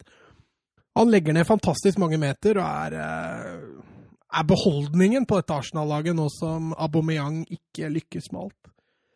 Eh, to poeng gir jeg til Sissoko. Eh, han er i første omgang og deler andre omgang er mye av grunnen til at Aurier klarer seg så bra på høyrebekken som han gjør tidvis. Eh, han er alltid sikring, han er alltid første spiller som gjør at Aurier kan følge mannen og ikke bli satt i to mot én stadig vekk der. Eh, Ett poeng gir jeg også til Son. Ja, jeg har eh, tre poeng til Toby Alderweirelde, matchvinner. Eh, jeg jeg syns at han var helt strålende. Eh, Også i de fasene hvor Arsenal var best, så var han liksom den derre tryggheten, ja, autoritære tryggheten bak der, som på en måte blokka skudd, vant dueller, hindra på en måte Altså, det var jo så mange ting som kunne blitt farlig, som ikke ble farlig av Toby. Syns han spilte en strålende fotballkamp. Eh, Jeg har Son på eh, to poeng. Eh, Mål og assist. Uroment hele tiden. Er jo alltid oppe der og hugger og hugger og hugger. Noe som du ser disse forsvarsspillerne til Arsenal ikke liker noe særlig av. To på, nei, ett poeng til Emiliano Martinez. Tror Tottenham kunne vunnet mer, hadde det ikke vært for han. Jeg syns Tottenham var eh, det klart beste laget. Det var fortjent. Eh, Jeg syns de styrer og steller. Jeg syns de vinner midtbanekrigen. Og eh, det er, ikke mange sjanser man har til Arsenal, altså. Jeg jeg syns det var en god, god kamp av eh, Tottenham. Det var deilig å se, for en gangs skyld, etter den forferdelige Bournemouth-kampen. Så var det godt å se dem var tilbake igjen. Eh, Tottenham har dermed vært eh, unbeaten hjemme mot Arsenal på de fem siste. Eh, Arsenal har eh, tapt 21 poeng etter å ha leda denne sesongen. Det er kun Westham som har tapt flere poeng etter å ha kommet foran. Eh, Lacassette er den første eh, som har skåra både hjemme og borte mot Tottenham eh, i samme sesong, siden Per Martesacker i 12-13. og Son er den første Spurs-spilleren med både mål og assist mot Arsenal i en og samme kamp siden Adebayor i februar 2008. Adebayor. Adebayor. vi har et spørsmål der også, fra Petter Støvland. Kan man snart begynne å le like mye av Mustafi som vi gjør av Ja. David Louis og, og Dejan Lovren? Har vi ikke alltid ledd litt av Mustafi? Han har bare ikke spilt så mye. Jo, det, men, men jeg syns jo Støvland her nevner de tre stoppera i Premier League som du nærmest kan le. Hvem, hvem var siste? Var David Louis og Og Dejan Lovren. Ja, verdens beste. Eh, og så står det her Hvis dere måtte velge én av disse tre til deres klubb, hvem hadde det blitt? Altså, jeg hadde slitt mest, fordi Oliver Glasner vil jo ha en venstrefot og en høyrefot i mitt midtforsvaret. Og venstrefoten hadde jo da blitt Brooks, og høyrefoten hadde blitt en av de tre der. og, og da hadde jeg altså jeg hadde valgt Louise fordi han er eldst, og han legger opp først, håper jeg. Ja, det er tøft. Jeg tror jeg hadde tatt Lovred. ja. Du tror det? Verdens beste? Altså, Til Barcelona kanskje David Louis hadde passa best, ass, men du irriterer deg så fælt over han, for han gjør så mye dumme valg. Ja. Nei, alle tre gjør jo det. Det helt, nei, det der var uh... Jo, alle tre. Altså, hvis du tar med Phil Jones, så tenker jeg hver gang jeg ser, eh, ser for meg navnene til, så ser jeg for dem at de krabber på alle fire. alle de fire. Og Phil De er jo stadig vekk nede og krabber. Nei, jeg tror kanskje jeg hadde tatt David Louis. Altså. Jeg tror kanskje han hadde passa best i tiki-takaen. Det, men jeg også tror jeg ville tatt David Louis, og det handler om hans offensive Ja. bidrag. At, uh, fordi altså, Dejan Lovren Å, fytti rakkeren. Og, og, Ma- og Mustafi, ja, han, han har jeg egentlig aldri syntes vært noe god. Nei, Eh, helt har han vært på Han- det tyske landslaget, eller? Nei, altså Han var jo brukbar i Valencia! ja, Jeg husker var Valencia, det, jeg husker Valencia var skikkelig fansen Valencia-fansen. Var jeg- misfornøyd når han dro. jeg, jeg husker at han eh, Ja, at det var litt overraskende at han kom seg inn i, i det tyske landslaget, egentlig. Åh, Men uh, Løf, Løv. Løf har jo, har jo sine, sine greier. Jonas Hector og Mustafi og hva det ikke heter. Litt eh, raskt igjennom Bournemouth-Lester. Det blei en eh, sinnssyk fotballkamp. Ja, det Altså, begge roter jo ganske fælt bakover. Uh, Bournemouth i første omgang og Leicester i andre. Uh, Forar jo motstanderne noen mål her. Men, men det jeg tenker, altså, Leicester er jo brukbare i første omgang. Eh, egentlig best i det meste. Eh, eh, virker nesten som Bournemouth allerede hadde rykka ned på et visst tidspunkt. Altså, det, det, så nesten ut som spillerne var sånn giddaløse. Det var helt OK når Vardy satte 1-0 der. Hans 23. Premier League-mål. Eh, kunne også hatt flere, for han var brukbar. Han kunne hatt hat trick, Mats. Ja, det er jækla, det er kjipt å tenke på, faktisk. i forhold til din odds. Eh, men så plutselig Og så, har de så god kontroll også, og så fram til sjette, sjette minutt så er det bare det, det er akkurat som en eller annen fotballgud eh, bare tenker det at det er Bournemouth De skal, skal få en, de skal få en liv, livbøye nå. Ja, og det hele skjer jo etter at Nathan Ake må ut med skade òg. Eh, Ja, ja. Ja. Ikke sant? Det begynner jo der, ikke Ja. sant? Og det er liksom Alt begynner jo med Schmeichel, da. Altså Når han på femmeteren der sender ballen rett i ryggen på Ndidi, Wilson snapper opp og felles av Ndidi, får straffe, junior Stanislas, safe 1-1. Og så minuttet etter så setter Solanke inn 2-1. Alt er snudd. Nok en uh, Schmeichel-tabbe. Eh, rødt kort på 2-1. Altså, når ballen ligger inne i mål der da, så finner uh, Soyuncu ut at Du, jeg sparker Wilson to ganger, jeg, i frustrasjon! Det var frustrasjon. Det var ordentlig frustrasjon. Og, og da snakker du om at altså, det, det er ikke bare det, men Solanke, det er første målet til Solanke på 39 kamper! Ikke sant? Altså, hvor, hvor, altså, plutselig så skjer alt som ikke skal skje, da! Og så har Bournemouth kontroll. eh, Stanislas skudd via Evans rett i mål. Og 4-1 eh, Solankes andre mål, liksom etter en grusom tversoverpasning av Christian Fuchs. Altså mellom beina på Schmeichel. ja, ja, Schmeichel. Dette, dette er en kamp. Altså, og plutselig da, så får jo Bournemouth heng på 18.-plassen, da. Ja, Tre poeng av det nå. Oi, oi, oi. Og Leicester Første laget siden Wolverhampton eh, mot Manchester City i januar 2019 som har klart å få én utvist, skåret ett selvmål og, og, fått ett straffe imot i løpet av én og samme kamp. Ja, ja, det er noe å ta med seg hjem, det òg. Jeg, fikk ned, altså, den, jeg, jeg, så resultatet på denne kampen før jeg så kampen. Jeg, wow! Og så bare Å ja. Her! Her! Manchester United Southampton, så dere den i går, eller? Ja. Ja? ja. Jeg syns United starta svakt, faktisk. Jeg syns ikke det var en eh, god start av United her, og det hele kulimerer jo i, uh, i Pogbas ballmiss ved egen boks etter uh, tolv minutter som gir Southampton ledelsen, men uh, det er ikke ufortjent på det tidspunktet. Nei, altså De sjokkerer jo Manchester United med et ekstremt høyt press. Ja, det så ikke United for seg. Nei, den ble en... Gjorde de ikke det, altså? Det så ikke sånn ut. Nei, det gjorde de! Det er jeg enig i! Nei, det så ikke ut som de hadde forberedt seg i det hele tatt, faktisk. Eh, men, men at de kan ha vært så overraska over Southampton sitt høye aggressive press, det, det, var litt merkelig. Men eh, det er som Søren sier, det var ikke ufortjent i det hele tatt. At det er Pogba som surrer. Han så jo av ut uh, egentlig i 35 minutter. Han gjorde det. Nei, i 20 minutter i hvert fall. Han gjorde det, men uh, Manchester United er jo i flyten og snur det på tre minutter. Altså, Jeg syns han gjør faktisk litt genialt der, Solskjær. For det han gjør, han senker Matic mellom stoppera, eh, og så senker han Fernandes litt, som gjør at frispillinga går mye lettere. Skal det vel sies at Southampton sikkert begynte å kjenne det litt på kroppen etter 20 minutter med spurting. Eh, men da plutselig finner United rom. Ja, altså Martial svart lagt i begge mål, det. Uh, er jo kjempefint hvordan han klarer å stusse ballen videre, eller sende ballen videre fra Pogba videre til Rashford når han er så i press som en er. Og så var det sterkt det han gjør før 2-1 òg. Trekker inn og god avslutning. Og, ja. Det er bra Pogba også på 1-1 ja, der. Den pasningen inn der, den må være så presis og med slått med en sånn hastighet at uh, ja. Han gjør faktisk litt opp for den baklengsen han uh, skaffer første. Bør Romeo ha rødt kort? Altså, De sa at det var med vilje. Den, den, sliter jeg med å se at det er med vilje. Mm. Men at den er stygg som F, det er det jo ingen tvil om. Altså, jeg, jeg tenker Det er jo nesten det er jo en skadet, eller en karrieretruende takling. Ja, jeg tenker jo når dommeren kommer og trekker et kort til ham, uh, har, har, han ingen grunn til å klage hvilken farge enn dette kortet har. Uh, jeg mener at det er fullt forsvarlig å gi et rødt kort der.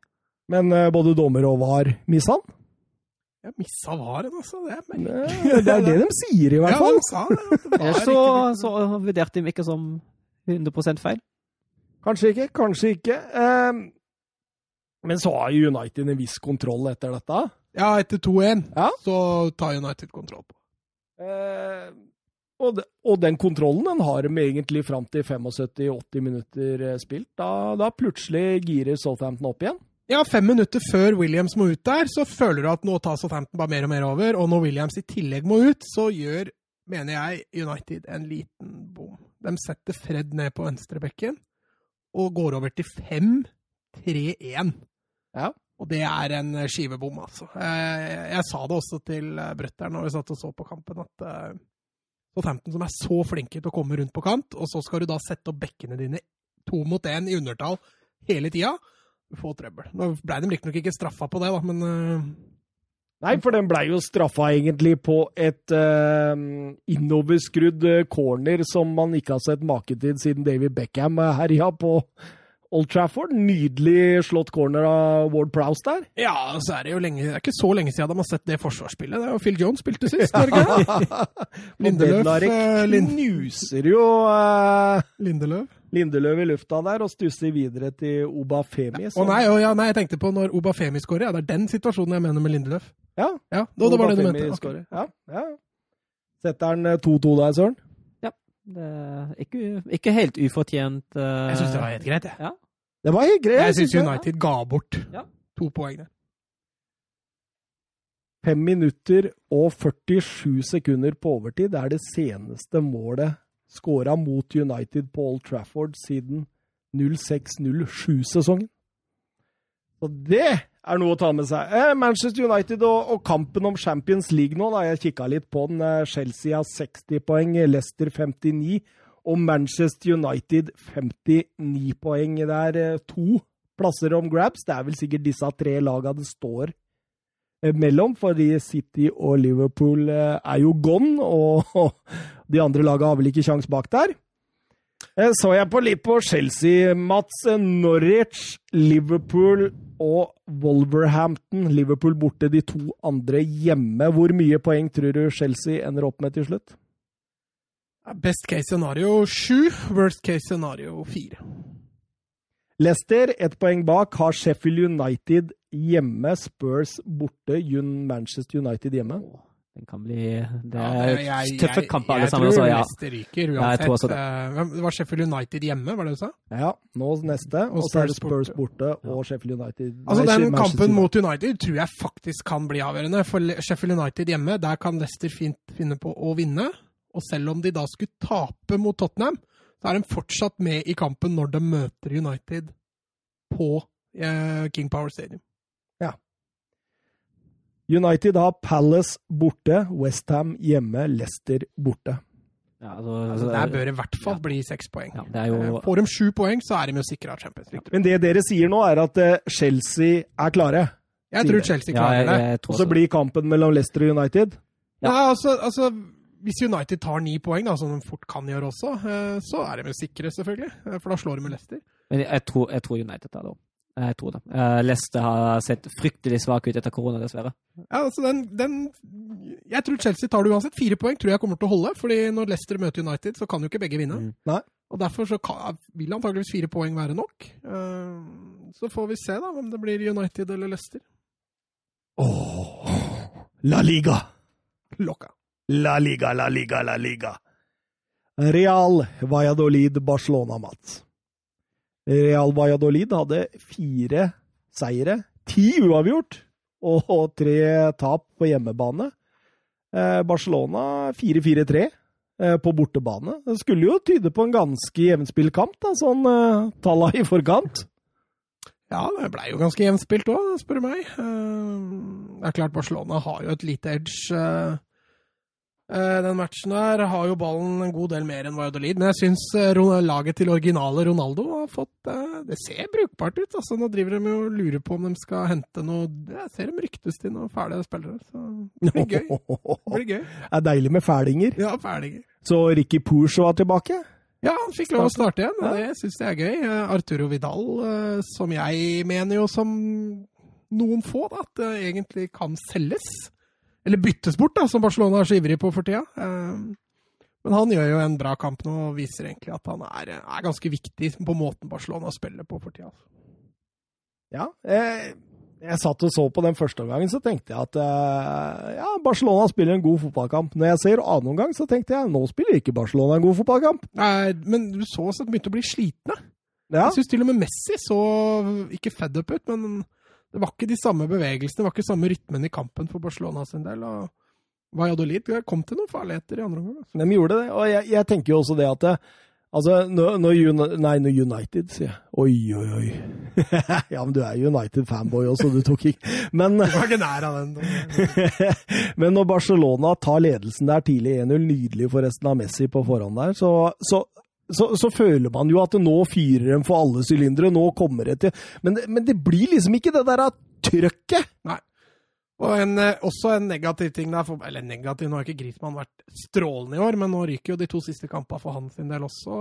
og Nå var ikke han noe spesielt god i den uh, første gangen han fikk spille heller. Men uh, nei, de sliter med den siste tredjedelen, det gjennombruddet der. Og Suárez, jeg syns også han har en avkamp igjen. Altså. Han skaper ikke noe de løpene han skaper ikke noe når han får ball. Han har fryktelig mye balltap. Altså. Messi, da. Åh, Messi, Messi, altså, han, Messi. Tar du Messi ut av det laget der, ja. så er det fjerde-femteplass altså, i La Liga. Det er, det er ikke tull.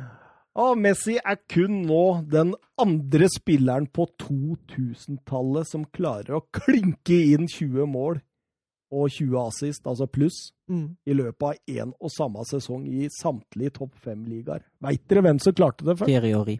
Å, den er sterk! Han, han, har sett det, han må ha sett det. Ari Tar ikke den på strak arm, ass. Det har jeg lest. Ari gjorde det i 02-03-sesongen. Da fikk han 24 mål og 20 assist. Mm. Eh, Bartomeo eh, var ute nå.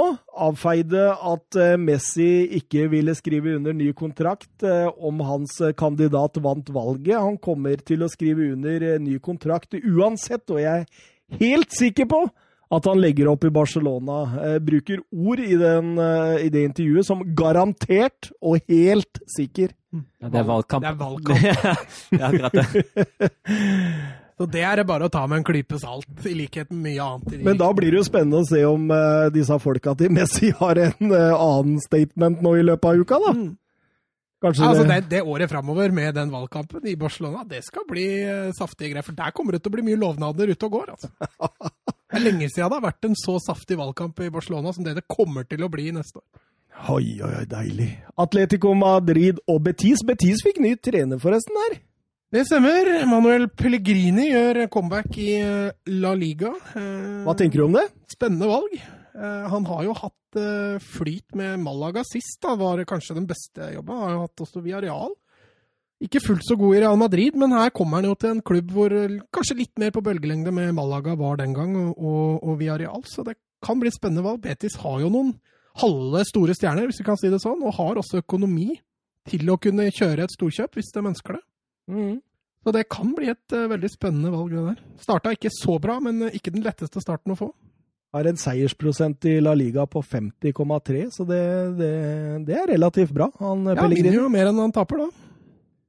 Eh, Joaquin spilte sin 550. La Liga-kamp. Eh, nå er han altså likt med Raúl på den, eh, den lista, eh, nummer to. Mm. Eh, nummer én veit dere jo. Subizarreta. Ja, helt riktig. 72 kamper opp dit. Kan den klare det, Mats? Ja, det er jo ratt tre sesonger, da. Da har han jo passert 40, så det ville jo vært eh, drøyt. Det hadde skulle... vært kult. Kult hadde det vært. Spørsmålet er hvor mye Betis tjener på å la han spille som 40-åring i La Liga. Og så leste jeg en litt sånn interessant greie der, at Alvara Morata Da skåra han ikke! Han er eh, den spilleren i La Liga som har gått mest i offside denne sesongen, Mats. Så da leder han i hvert fall den. Det gjør han i hvert fall. Han fall. 15 der? Eh, og godt over 15, garantert. Men en åpen eh, førsteomgang på Wanda, Metropo Vanda ja. Metropolitana. Ja, det er en overraskende underholdende kamp til å være en Atletico Madrid-kamp, i hvert fall. Det skjer jo ganske mye. Ja, absolutt. Jeg lot meg underholde, jeg. Ja, Betis var jo ikke fremmed for å kjøre offensivt. Eh, Hadde jo klart mest ball. og det er klart, Utover i andre gang for, så forandrer jo kampbildet seg litt med tanke på det røde kortet og sånne ting, men eh, nei, jeg syns, uh, syns at Var det rein hevn av, av Ja, for det han ble rundlurt? payback så det ut som. Ja, ja. Du gjør ikke det igjen. Var, var en sånn takling. Og det Du gjorde han ikke igjen heller. Du har hatt et par sånne i løpet av karrieren, det er jeg sikker på. for Mario Hermoso ble sendt rett i dusjen, han, så det, det gjorde han ikke igjen heller. Nei, han fikk ikke mulighet til å bli rundlurt igjen. Ja, så kommer det jo rett etter at Simione bestemmer seg for at nei, nå bytter vi offensivt, nå kjører vi på, vil vinne den kampen, og så blir han også utvist, så blir han tvunget til å, til å ta et litt mer defensivt bytte likevel. Uh, egentlig litt synd, for den kampen kunne fort ha blitt veldig morsomt uh, med 11 mot 11 ut. Men så kommer da Diego Costa. Ja, han ville ha tre poeng, han. Ja, han ville det. Ja, det var ingen tvil om det. Uh, og det var et strålende bytte. Det er jo glimrende å ha en sånn mann når du spiller 10 mot 11, og ha Diego Costa i bakhånd. Absolutt. Da har du en urokråke som bare lager helvete, hvis han får beskjed om det. Det Lurer seg inn ryggen på, bak ryggen på Bartra der og Mm. bare stanger han inn. Hans femte La Liga-mål denne sesongen. Hans Ja, han kommer- 71. totalt. Det er ikke så mange, det. Han er- er snart på 200 kamper. 70... Ja, men han har ikke så mange faste sesonger i Atletico bak seg. Han hadde jo et par i Rayo Vallecano på utlån, og, Ja. og så gikk han jo til Chelsea. Men eh, han er jo ikke noen sånn goalgetter-type. Grinder ut nok et resultat, Mats. Ja, de sikra jo Champions League med den seieren der. Som vi var inne på i quizen, så var det den åttende til eh, Simione. På åtte forsøk. Det er eh, relativt klasse. Hvis vi, kan eh, stry, hvis vi stryker den sesongen hvor han blei ansatt, så, så har han klart det hver gang, og det, Det er sterkt. det er sterkt. Altså. Et par eh, Twitter-spørsmål. Vi glemte det ene i Barcelona-kampen. Eh, Glenn Weber spør betimelig spørsmål og spørre om Barcelona tapte gullet ved å sparke Valverde. Vet hva, jeg tenkte på det i helga, faktisk. Så det var, eh, det var kult at han kom på det, eller tenkte på det. For jeg tenkte faktisk at nå spiller vi Valverde-fotball, men vi vinner jo ikke kamper. Vi Mm. vant jo riktignok, da, men under Valverde så hadde vi fått de resultatene vi trengte for å bli seriemestere. Vi hadde spilt sånn som vi akkurat gjør nå. Og da kan man jo lure er, var det noe poeng med Setien. Egentlig. Egentlig. Egentlig var det noe poeng. Kunne Valverde sitte ut sesongen. Det kunne nok. Uh, Men tenk, nå går vi mot en ny sesong med sett igjen. Ja, de sier jo det. At Bortomeu skal ha sett igjen ett år til. Uh, Og Åh, nei, jeg sa så mye om det sist. Eh, Jeg har så delte meninger om sett igjen at det er vanskelig å For du liker det han jeg, står Ja, jeg liker jo filosofien Ja. hans, egentlig, men han har ikke fått det ut i Barcelona. da. Nei. Og det er litt frustrerende, og det har litt med det spillematerialet han allerede har der, og det har litt med økonomien nå. Han kommer ikke til å få det han vil ha heller. Nei. Og da sitter du der da med en misfornøyd, eller en relativt misfornøyd spillergruppe som virker å ikke ha så mye tillit til trenerapparatet, og så har du en president da, som ingen virker å like. Det blir litt kaos, dette her, altså. Og det er det som er litt kjipt. Didrik eh, T. Nilsen spør eh, hva tror vi om Pellegrini i Betis? Ja, altså, jeg håper på at Betis det er et lag, et kult lag. kult kul stadion, kule fans, eh, bra trøkk. Nå har det jo ikke vært det etter korona, selvfølgelig, men eh, jeg unner Betis. Og Pellegrini er en trener man har litt sansen for. Fikk det jo ikke helt til i Westham, men eh, Jeg er litt enig. Jeg håper jeg det håper det blir bra. Mm. Og så er Betis en klubb som er nesten litt sånn dømt til å underprestere. Altså, de gjør det gang på gang, og det, det er litt synd. Det er en klubb som egentlig hører hjemme, i hvert fall i Europaligaen. Altså er det litt sånn Pellegrini han er litt flink med de nest beste. Nå gikk det veldig dårlig i Westham, da, det skal sies. Ja, var det eh, nest best, da? Nei, det er jo kanskje det at de Nei, han hadde jo en brukbar stall, han hadde jo eh, Leganes Valencia, Mats. Ja, det sier jeg jo. Sier du, Søren? Hoff? Ja.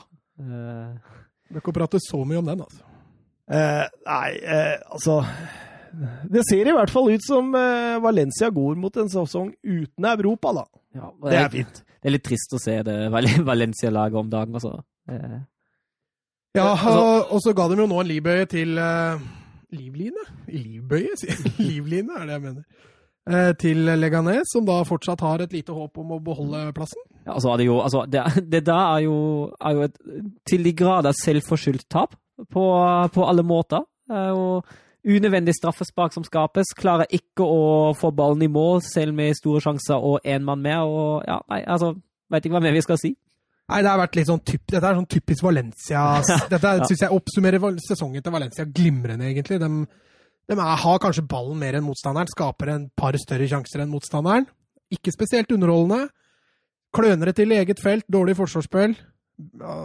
Får ja, spillet med ti mot elleve. Men jeg syns den Hensen er litt altså, er. Subber den ikke bare så vidt Ja. borti hånda hans der, da? Ja, hadde det vært i Premier League, så hadde ikke det der Nei, eh, det tror jeg ikke hadde hadde, det ikke skjedd. hadde det vært i Serie A, så hadde han fått to straffer. det, er, det er litt sånn at i Premier League så får du i hvert fall ikke den, men i Serie A der kanskje du får to av dem. Og så har La Liga lagt seg et sted midt imellom. Jeg syns det var fin, den der. Det gikk ut før kampen mot Southampton, og så Solskjær hadde sagt at Fernand- Fernandez skulle ta begge straffene til United i dag. ja, da lo jeg godt av! Før kampen. Ja, men det er, det er, jo, det er jo sånn. Ja, Fernandez skal ta begge straffene til United Det er jo det som vi har vært borte på før. Det er jo det laget i Premier League som får desidert flest frispark Ja. nei, straffespark langt over Og så neste. er det jo ikke alle som var korrekte, som vi, som vi har lært oss. Nei, jeg syns synd på Valencia. Vi var innom det sist. De går en eh, mørk uh, framtid i møte nå. Nå blir det antageligvis en neste sesong uten Europa. Eh, det kan få litt fatale følger. De beste spillerne der eh, tror jeg ikke blir så lett å holde på. eh, med tanke på den usikkerheten som er rundt styre og stell og trener, og, og du da i tillegg må spille uten Europa, så tror jeg det er lite som frister ved å bli i Valencia. Altså. Og et lag som vi Altså, det var jo en sånn diskusjon i forkant av sesongen. Hvem skal vi sette over? Sevilla eller Valencia? Vi gikk for Sevilla. La Liga Loca-podkasten gikk for Valencia, så, så. Da har Valencia på femte, da. Men samtidig, det var en sånn greie vi vurderte der. Hvem får den siste Champions League-plassen? Det ender opp med at vi ikke treffer på noen av topp fire, vet du. Ja, det gjør det. Det gjør det. Sevilla tar tredjeplassen, og så tar Barcelona to, Real Madrid én og Atletico. Det er ingen av dem som blir riktig. Men eh, Ja, jeg syns Sevilla igjen. Altså Ja, du har gått over? Ja. Det laget der, altså. Det, nå er de i storform. De taper ikke fotballkamper. De Slipper nesten ikke inn mål heller. Nei, nei, nei. Fire seier på rad nå i La Liga. Ja, vi var jo litt innpå det, at de Ja. imponerte stort. Første kampen etter korona så fikk de vel fire uavgjort eller noe sånt på rappen der, og så nå har de uh, våkna til igjen og sikra, i likhet med Atletico Madrid, eh, Champions League-plassen. Ocampos eh, går knapt nok en kamp uten å skåre mål. Nå var det riktignok fra straffemerket. No look-straffespark. Ja, ja, ja. Når du har selvtillit, så har du, har du selvtillit. Så Men jeg tenker, altså Dette er den lengste streaken Sevilla har hatt i La Liga-historien. Altså, Mm. dem har gått 13 kamper uten tap. Det er eh, Lopetegi har gjort dem bunnsolide. Og dette her og Nå mister de jo Banega, da. Det er jo veldig synd. Ikke nødvendigvis at Sevilla blir så mye dårligere som lag, men den underholdningsverdien Banega tilfører laget, den blir borte. Jeg håper de greier å erstatte han med en litt sånn artig spillertype der. Det hjelper litt i forhold til fans og underholdningsverdi på kamper og sånn. Men den, men den um, erfaringa de har nå, da, den blir så viktig å ta med seg når Sevilla skal ut i Champions League. For de kommer til å bli sida helt sikkert som nummer tre eller fire, og da Mm. vil de få to, kanskje i verste fall tre storlag. da. Ja. Og da må du ha den gjerrigheten hvis du skal greie å få til noe i Europa neste år. Og den, den, den, den de har vist nå, det tyder på at de kan få det til. Det er deilig å ha tippa de riktige laga i topp fire, da. Ja, ja, treffe meg er fint, det. Det er, det, det, det er er, ikke, nå er ikke Spania den vanskeligste nasjonen å tippe topp fire, men eh, ja, jeg er enig.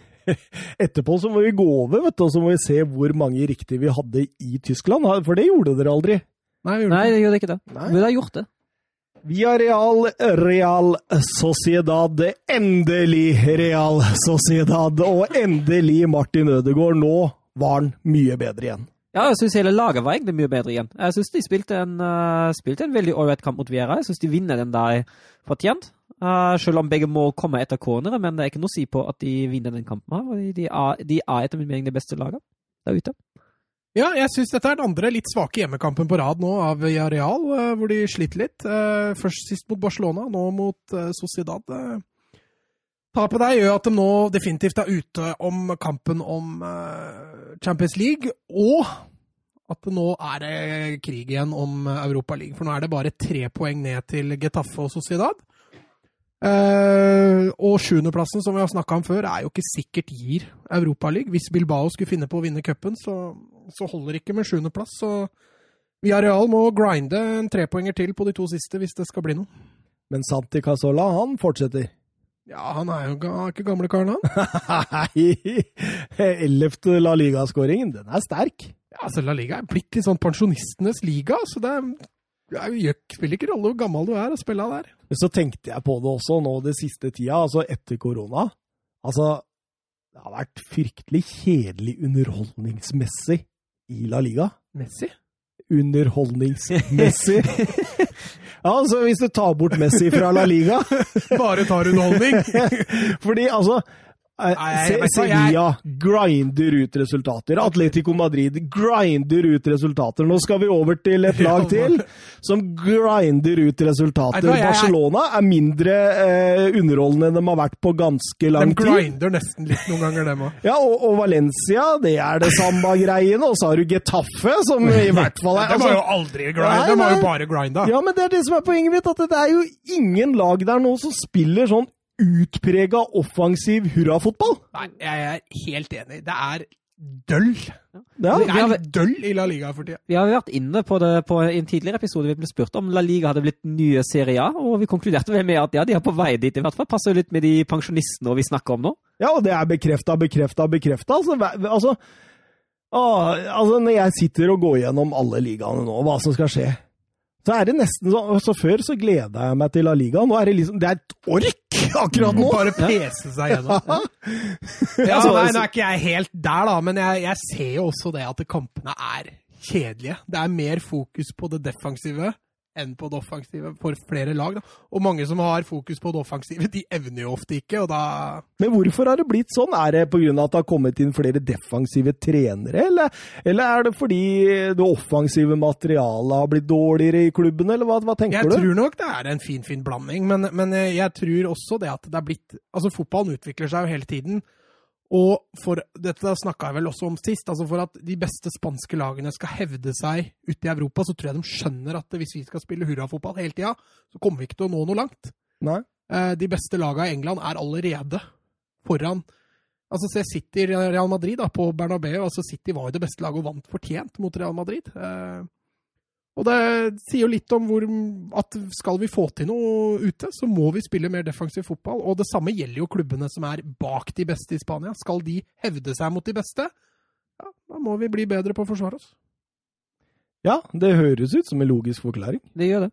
Veldig. Det er litt trist. Veldig synd. Ja, veldig synd av det likevel. Atletico Getafe dem uh, unnskylder jeg uansett ikke, for de har spilt sånn i så lenge I hvert fall Og, og, Simione og, og egentlig også Atletic. Har vært litt sånn altså, Raúl Garcia er jo kul å se på, da. Han har vært, eh, siste åra, liksom, så har det vært litt traurig. Litt altså, sånn Bielsa, det er en stund siden han var der. Ja, det er Da var det gøy! Da var det gøy. var det gøy. Granada, Real Madrid eh, De grinder seg fram til eh, ligagullet nå, Real Madrid. Ja, men den uh, skåringa til Mendy der, det var jo verdt uh, Men det er klart, når du, du kunne ha slått av etter et kvarter, altså. Det var ikke Litt sånn Granada spilte plutselig ikke fullt så bra som man kanskje hadde håpa de skulle gjøre. Eh, Real Madrid får det fryktelig lett det første kvarteret, syns jeg. Litt revolusjonerende fra Zidane. Jeg kan ikke huske sist Real Madrid starta uten kantspillere. Nei. Nå var det ingen kantspillere på banen. Han kjørte Valverde og Isco på kantene. Og det første kvarteret tenkte jeg oi, her fikk jo Zidane virkelig Betalt. for penga, altså. Mm. Eh, en Mendy som fikk virkelig plass på sida der. Carvahall Carvajal det samme motsatt. Eh, og så er bare liksom Da gadd ikke Real Madrid mer, virka det som, og Granada evna ikke noe særlig. Og, Det rykket men de har forbi Victor Diaz der. ja, altså, men altså, den avslutninga Det er Lars Bohin mot England på Ullevål i 92. Ja, men Mendy, er, er ikke han litt lenger unna mål? Jo, men det er, det er liksom den der at Husker du den, Søren? Du, jeg var ett år gammel, og jeg husker Jeg har aldri sett den kampen der, så nei. Nei, jeg, jeg husker den. Jeg, jeg husker ikke å ha sett den live, men jeg har sett den i reprise, sikkert. Og Lars Bohin sånn... gjør det igjen! Han gjør det igjen, dere! Han scorer mot England! Husker ikke Arne Skeia? Gikk i pistel! Nei, jeg husker det. Jeg husker det. Eh, jo, Benzema, eh, nydelig av Isco og Modric der. Serverer Benzema, som eh, smeller inn 2-0. Eh, full kontroll i Andalusia for eh, Real Madrid. Eh, litt svakere annen omgang. Kan si Ja. at eh, Granada kommer inn i det. Får også scoring der som gjør at det sånn resultatmessig er spennende, men eh, jeg satt liksom aldri og følte at eh, ledelsen var ordentlig trua. Og eh, takket være Ferland Mendis mål har nå Real Madrid 21 forskjellige målskårere i La Liga denne sesongen. Det er mest av samtlige lag i topp fem-ligaene, så bredden har dem. Ja, og så har de mye offensive, gode spillere, Real Madrid, så det er ikke så rart. Vinicius, er han en av dem, eller? Veit du, K- klarte han å putte?! Ja, han skåra vel mot Barcelona Ja, i klassikken? Ironi. Ja, eh, sorry, sorry. Vi har allerede utnevnt han til den mest ineffektive ineffektive Ja. spilleren. Det, er jeg jo enig i. Han snubla vel inn et Ja, så han hadde ikke skåra uten Piqué. Nei, det er helt riktig. Eh, Lazio Sassolo, da er vi over i eh, støvellandet. Vi er over i en liga som faktisk er ganske underholdende. Ja, Lazio er jo en av lagene som sliter nå Ja, det er- etter korona. De har vel bare én seier etter korona. Ja, og det, det ser fryktelig, fryktelig tungt ut. Det er ikke ufortjent at uh, Sassolo tar den her. Og, Sassolo har vært bra. ja, enig. Uh, og altså, det var jo vel litt, Etter kampen var det vel uh, Luis Alberto og en uh, teamlege som uh, kranglet litt. Så sa en sage at det er blitt gjort feil i lockdown, og kondistrenerne skulle vel uh, gjennomlyses litt. da, Så det er klart at uh, med Lazio da er det ting som ikke har blitt gjort riktig i lockdown, og så var den gode formen de hadde før, den var borte etter korona. Og så sier Insagi noe. Han sier at uh, all Scudetto-praten tok litt knekken på laget, sier han. Men altså, kan det være så enkelt som Ziro Immobile, satt jeg og tenkte på. Og så gikk jeg litt uh, inn i materien og sjekka litt statistikk på Immobile. Og før koronapausen så hadde han eh, 27 mål på 25 kamper. Etter pausen så har han to mål på seks kamper, hvorav én er straffespark. Har litt å si også at din, han som alltid scorer, slutter å score. Han var jo veldig besatt på denne skåringsrekorden til Higuain før korona. Jeg husker vi snakka om det, at han uttalte at det var viktig for han. og Det er mulig det har gått litt i hodet, og da er en sånn koronapause er kjip, for du rekker å tenke så fryktelig mye på de månedene der når du ikke gjør noen ting. Eh, Og hvis de i tillegg da har trent for dårlig, så er det klart at da får du både et fysisk og en mental utfordring når sesongen begynner igjen. Altså, det er særlig, særlig for et lag som kanskje svømmer litt på en sånn euforibølge, som har en god form inne, som uh, er, er rett og slett et formlag som kommer seg fra seier til seier pga. formen. At den formen får seg en liten knekk etter en lang pause, det er jo, som du sier, ikke, ikke helt uvanlig. Ja, eh, Sassolo vinner jo 1-2. Eh, Raspadori, 20-åringen, eh, setter 1-1 etter at Luis Alberto ga Lazio ledelsen i første omgang, og så skårer eh, på over til Caputo. Caputo har 16 skåringer denne sesongen. Eh, tangerer dermed Berardi, som hadde 16 på Sassolo i 13-14-sesongen. Det er ingen Sassolo-spillere som har flere skåringer enn 16, så Caputo kan eh, bli historisk i klubben. Ja, det er jo seks kamper igjen, så det er gode muligheter for at han får en eh, goal til. Eh, Kan Sassolo utfordre Milan og Napoli om eh, Europa? Nei, jeg Det tror er, ikke det er bare fire poeng. Også. Ja, ja. Nei, det, det, det Milan kan- har jo vært bra, så jeg er enig. Og Napoli har også vært bra. Så jeg, Jeg syns noe... begge de to klubbene er så gode nå. Ja, jeg er helt enig med deg sånn sett. Eh, Brescia-Roma, det blei en grei Roma-seier, Søren. Ja, og ja. Helt for, har jo full kontroll egentlig hele kampen. Hviler jo Sanjolo er tilbake igjen, da. Det var deilig! det er deilig, deilig. Hvila, hviler i tillegg Djeko på topp. Uh, Kalinic uh, spiller. Begge to får komme seg jo på skåringslista. Så. Deilig, den Kalinic-skåringa der. Ja. hvor du liksom får en ball i bakrommet der, og så finter du både midtstopper og keeper på samme, altså, på samme demp. Mm. På Ja, første han- touchen. Og keeperen til Brescia han hadde ikke en god kamp i det hele tatt. Eh, ja, jeg syns han har jo, har jo aksje.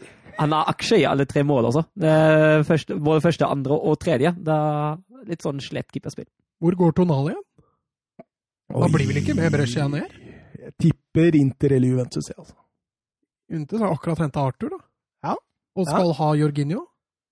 Kanskje han går til Inter, da. Der er det mange som blir linka for tida, altså. Ja, Inter er uh... Han Ja, eh, Firpo i byttehandel med Martinez nå, sa jeg siste. mm. Pluss 70 mil. da. Pluss- og, og der gikk det ryktet ut vinduet, for å si det sånn. Eh, men eh, Ja, altså Jeg må jo si det at, eh, at Roma liksom Altså Fonseca gjør en god jobb. Det er ikke all verdens spillemateriale, sånn egentlig. Nei, altså, jeg tror vel kanskje Roma håpa på Champions League neste år. Det får de jo definitivt ikke, men Nei. skulle de ta den femteplassen, så er ikke det dårlig, altså. Nei, jeg syns ikke det. Foran Eh, lag som eh, Milan og Napoli. Napoli. så får, Ja, da kan jo fortsatt Napoli ta dem igjen, da, men eh, hvis det skulle bli den femteplassen, så tror jeg Roma skal se seg strålende fornøyd, og spesielt med tanke på hva Atalanta og Lazio har gjort tidligere i denne sesongen.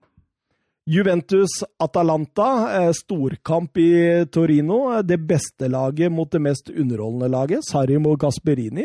Gøy, tenker jeg. Ja. Og det blei jo gøy, Ja. men det blei jo egentlig litt ble, kjipt også. Ja. Atalanta mot Hens. Ja, det blei jo nesten det. Mm. Altså, altså Jeg, jeg syns det første straffa til Juventus kan forsvares. Nei, Armen er veldig ute av posisjon der, altså. Men den andre straffa Mm. Hva i alle dager? Ballen er på vei ut av feltet, og han bare subber borti, liksom. Mm. Og du ser også Muriel har jo ja, Ikke det at det skal, egentlig skal ha noe å si, da, men han har jo ansiktet vridd andre veien, så han aner jo ikke hvor ballen er. Eh, og dommeren, som peker på straffemerket umiddelbart Ja. Han tenker seg ikke om to ganger engang heller. Det var noe han hadde bestemt seg for. Ronaldo han drar jo nytte av disse straffesparka nå, for nå er han jo bare ett mål bak Immobile i kampen om Serie A toppskårer, faktisk. Mm. Ja, har han 28 nå? Ja, han har 28 nå. Mm. Jeg tror halvparten nærmest er straffespark, altså. Ja, da er vi tilbake igjen på det beste laget, da, som får mye straffer. Ja, i nok en gang. Og så er det jo, altså er han jo ikke langt unna Juventus-skåringsrekorden i Serie A heller. Det var vel, Den står vel fra 50-tallet da det var 31 mål som den beste Juventus-målskåreren noensinne skåra. Så Ja, seks kamper igjen. seks kamper på fire mål, det er ikke umulig. Ronaldo og Juventus får vel ratt fire-fem straffer, dem. Gasperini forbanna etter kampen, Ja, altså. det skjønner jeg. Han, Du eh, mister ledelsen to det- ganger, det- og du føler deg urettferdig behandla.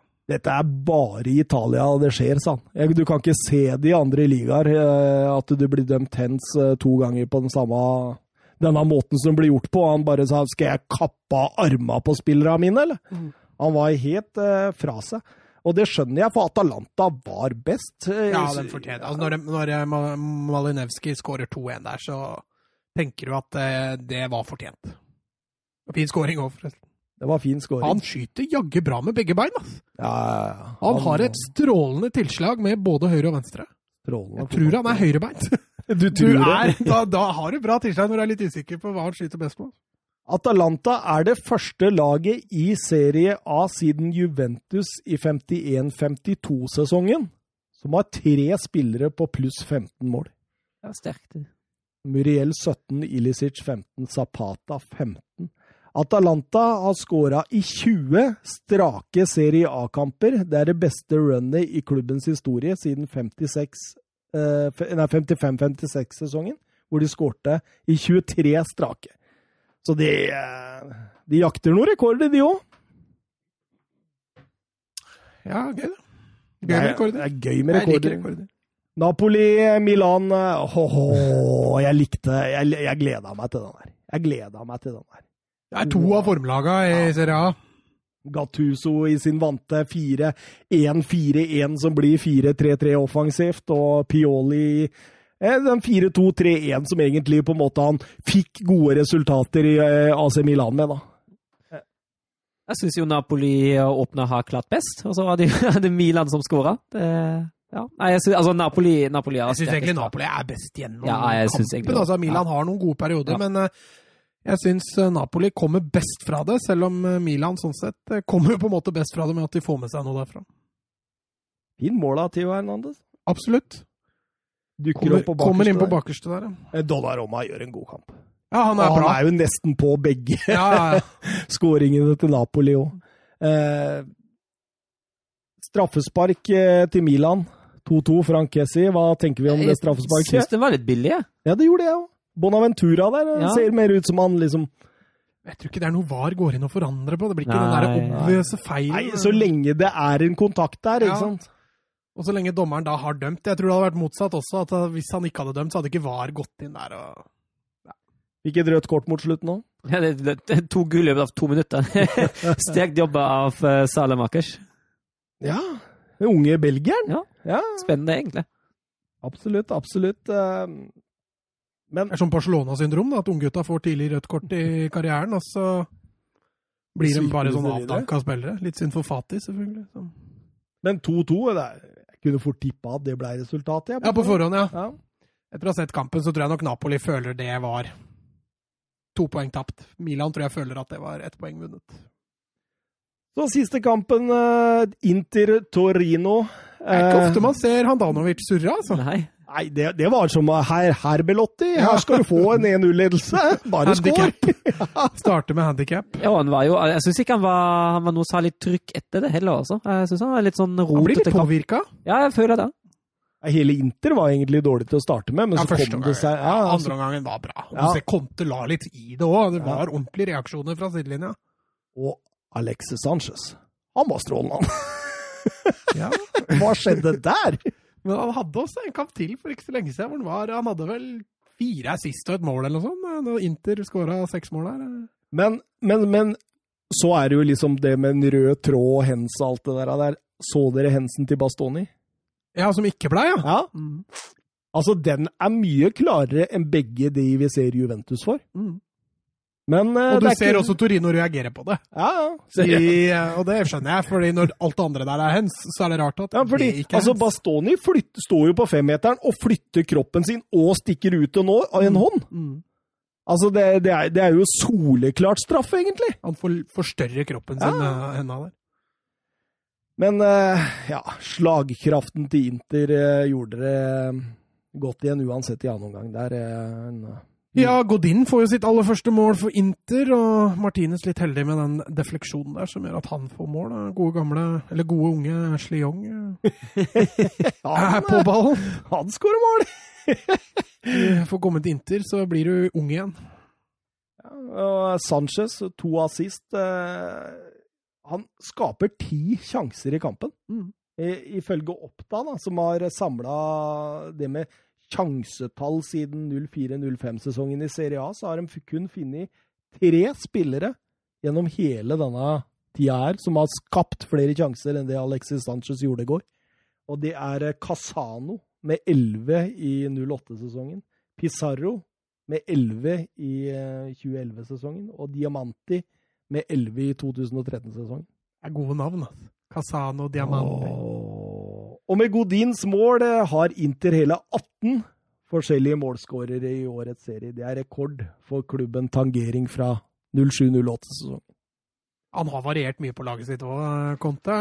Han har ikke helt funnet ut av det ennå. Nå har han slitt litt med skade, kanskje spesielt på midtbanen, men eh, det er eh, Han rullerer mye. Mm. Nå skal vi over til rykter og transfer. Hva skjedde med den kontoen du greide å dreie med? Kontoen? Ja, kjærestekontoen. Ja, den har jeg funnet ut at den kan jeg bare drive når jeg er på jobb, for å si det sånn. Nei, det, får, jeg, jeg rekker jo ikke, vet du.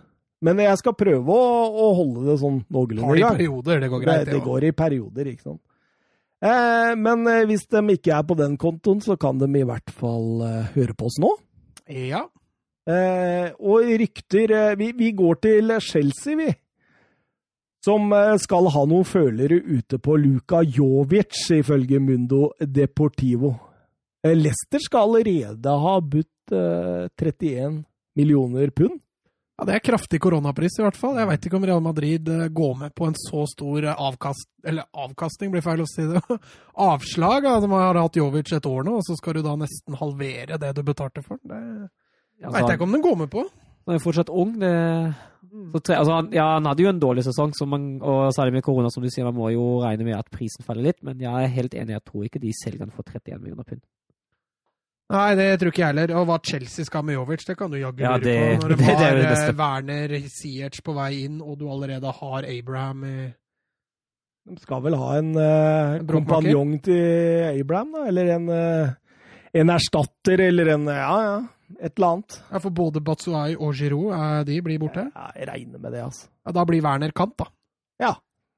Med Pulisic da? Nei, vi, vi får se. Men eh, De har jo en Hudson Odoi òg, så det er jo ikke Og ja, Pulisic. ja, det, er, det er nok å ta. Oi, ja, nei, det- kan muligens Ja, en stopper inn der med litt klasse på Chelsea. Uff. Ja, de, de er i ferd med å bygge et eh, Tenk hvis de klarer nå å hente inn en Havertz og en stopper, for eksempel, nå. Ser sterkt ut, det, altså. Ja, det gjør det. De eh, sier jo det at eh, både en av enten Jorginho eller Canté kan få lov å gå. Eh, tydeligvis litt eh, interesse både i Inter og i Juventus for de to, samt Real Madrid for Ngolo Mm. Så får vi se hva som skjer. Jeg så Peter Crouch han har gått ut og nevnt Chelsea blant en av de fire klubbene han tror kan kjempe om gull neste sesong. Det er ikke feil, det. Mm. Eh, Guardiola trodde det var en sju-åtte klubber, sa han. Det er feil. Det blir ikke, nei. Eh, Goll hevder eh, tross eh, kontraktforlengelsen ønsker i Liverpool å bli kvitt Dejan Lovren. Ja, Ja, det spørsmål hvor den skal. Arsenal, da. det er det perfekte Arsenal-kjøp! Og, og det skulle ikke forundra meg. Tenk deg Mustafi, Louis og Lovren, den trioen bak oh, der. Og mangler du fin Jones og backup, så er det Ja, så er det klovner i kamp, altså. FC. Eh, En av de eh, som virkelig har imponert i Norwich denne sesongen, Emi Buendia. Eh, Nå er eh, 23-åringen linket til Atletico Madrid og Valencia. Kantspilleren som ble henta fra Getafe før 18-19-sesongen, har eh, tidvis vært magisk for, eh, for et dårlig Norwich-lag. Eh, Altså, Offensivt for Norwich er det jo Bundia og Cantwell som har vært Ja, og Pukki til Ja, dels. men det var i starten. Ja. Jeg syns ikke han har vært noe Nei, det var, han var siste. veldig god i starten, ja. Men jeg syns defensivt så har Norwich mye spennende. Mm. Altså med bekkene. Louis og Aarons. Og, Ben Godfrey. Og Ben Godfrey. Og slenger du inn Bundia og Cantwell der da, Spennende å se hvor mange Norwich greier å beholde. Ingen av de vi nevner her, tror jeg. Jeg tror alle ryker. Du tror alle ryker? Det tror jeg. Eh, Bayern München eh, ønsker en ny defensiv midtbanespiller, eh, ifølge fransk eh, Løte Sport. Hørte? Slager? Hørte du det? Maximilian Arnold? Eh, Endombele. eller Bakayoko. Bakayoko? Ja. Lever han ennå? Ja, han er fortsatt på utlån. I Milan, eller? Nei, Monaco er det. Monaco er det. Mm. Der hvor det hele starta. Altså.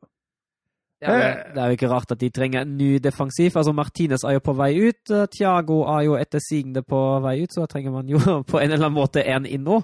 Men du må jo hente inn en som er OK Ja, med å det- sitte på benken. da. Det, det var Eller i hvert fall mesteparten. Kimmich har jo den ene rollen. Ja, Ja, og ja, og, og Goretzka kan få, få den andre, altså. den andre, altså. Ja, og, så, og Koisanj har ikke spilt seg bort i kampene han har fått nå, heller. Han har jo vært god. Hvor er det Martinez er på vei? Nei, Jeg veit ikke, men uh, ryktes at han er på vei bort fra Bayern. At, uh, ja. Er ikke han 54 ja, det er akkurat det. det er, Inter og Conte de vil eh, bygge videre. Nå er det Ngolo Kanté som står høyest på ønskelista til Conte, ifølge diverse italienske medier. Eh, Chelsea skal være villig til å selge eh, Ngolo Kanté eh, pga. finansieringen av Kai Havertz. Eh, hva tror vi om Ngolo Kanté tilbake i Contes eh, favn? Var ikke Conte som gjorde han til indreløper? Det var det. Nei, det, det var det. Sarri? Nei, det var Sarri. Nei, det var Sarri. Stemmer det. stemmer det. Conte brukte den jo i Ja, han brukte den i den rollen han skulle ha. For det var når Jorginho kom inn med Sarri, han ble indreløper. Stemmer. Altså, han med Eriksen da, i den offensive rollen eh, Conte da, som en av to sentrale, da, eller? Nei,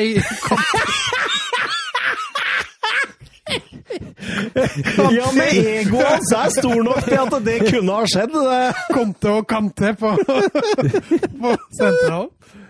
Er Kanté da, som en av de to sentrale, da, eller? Ja. Jeg må Barella eller Sensi vike, da. Nei, men Barella er jo indreløper.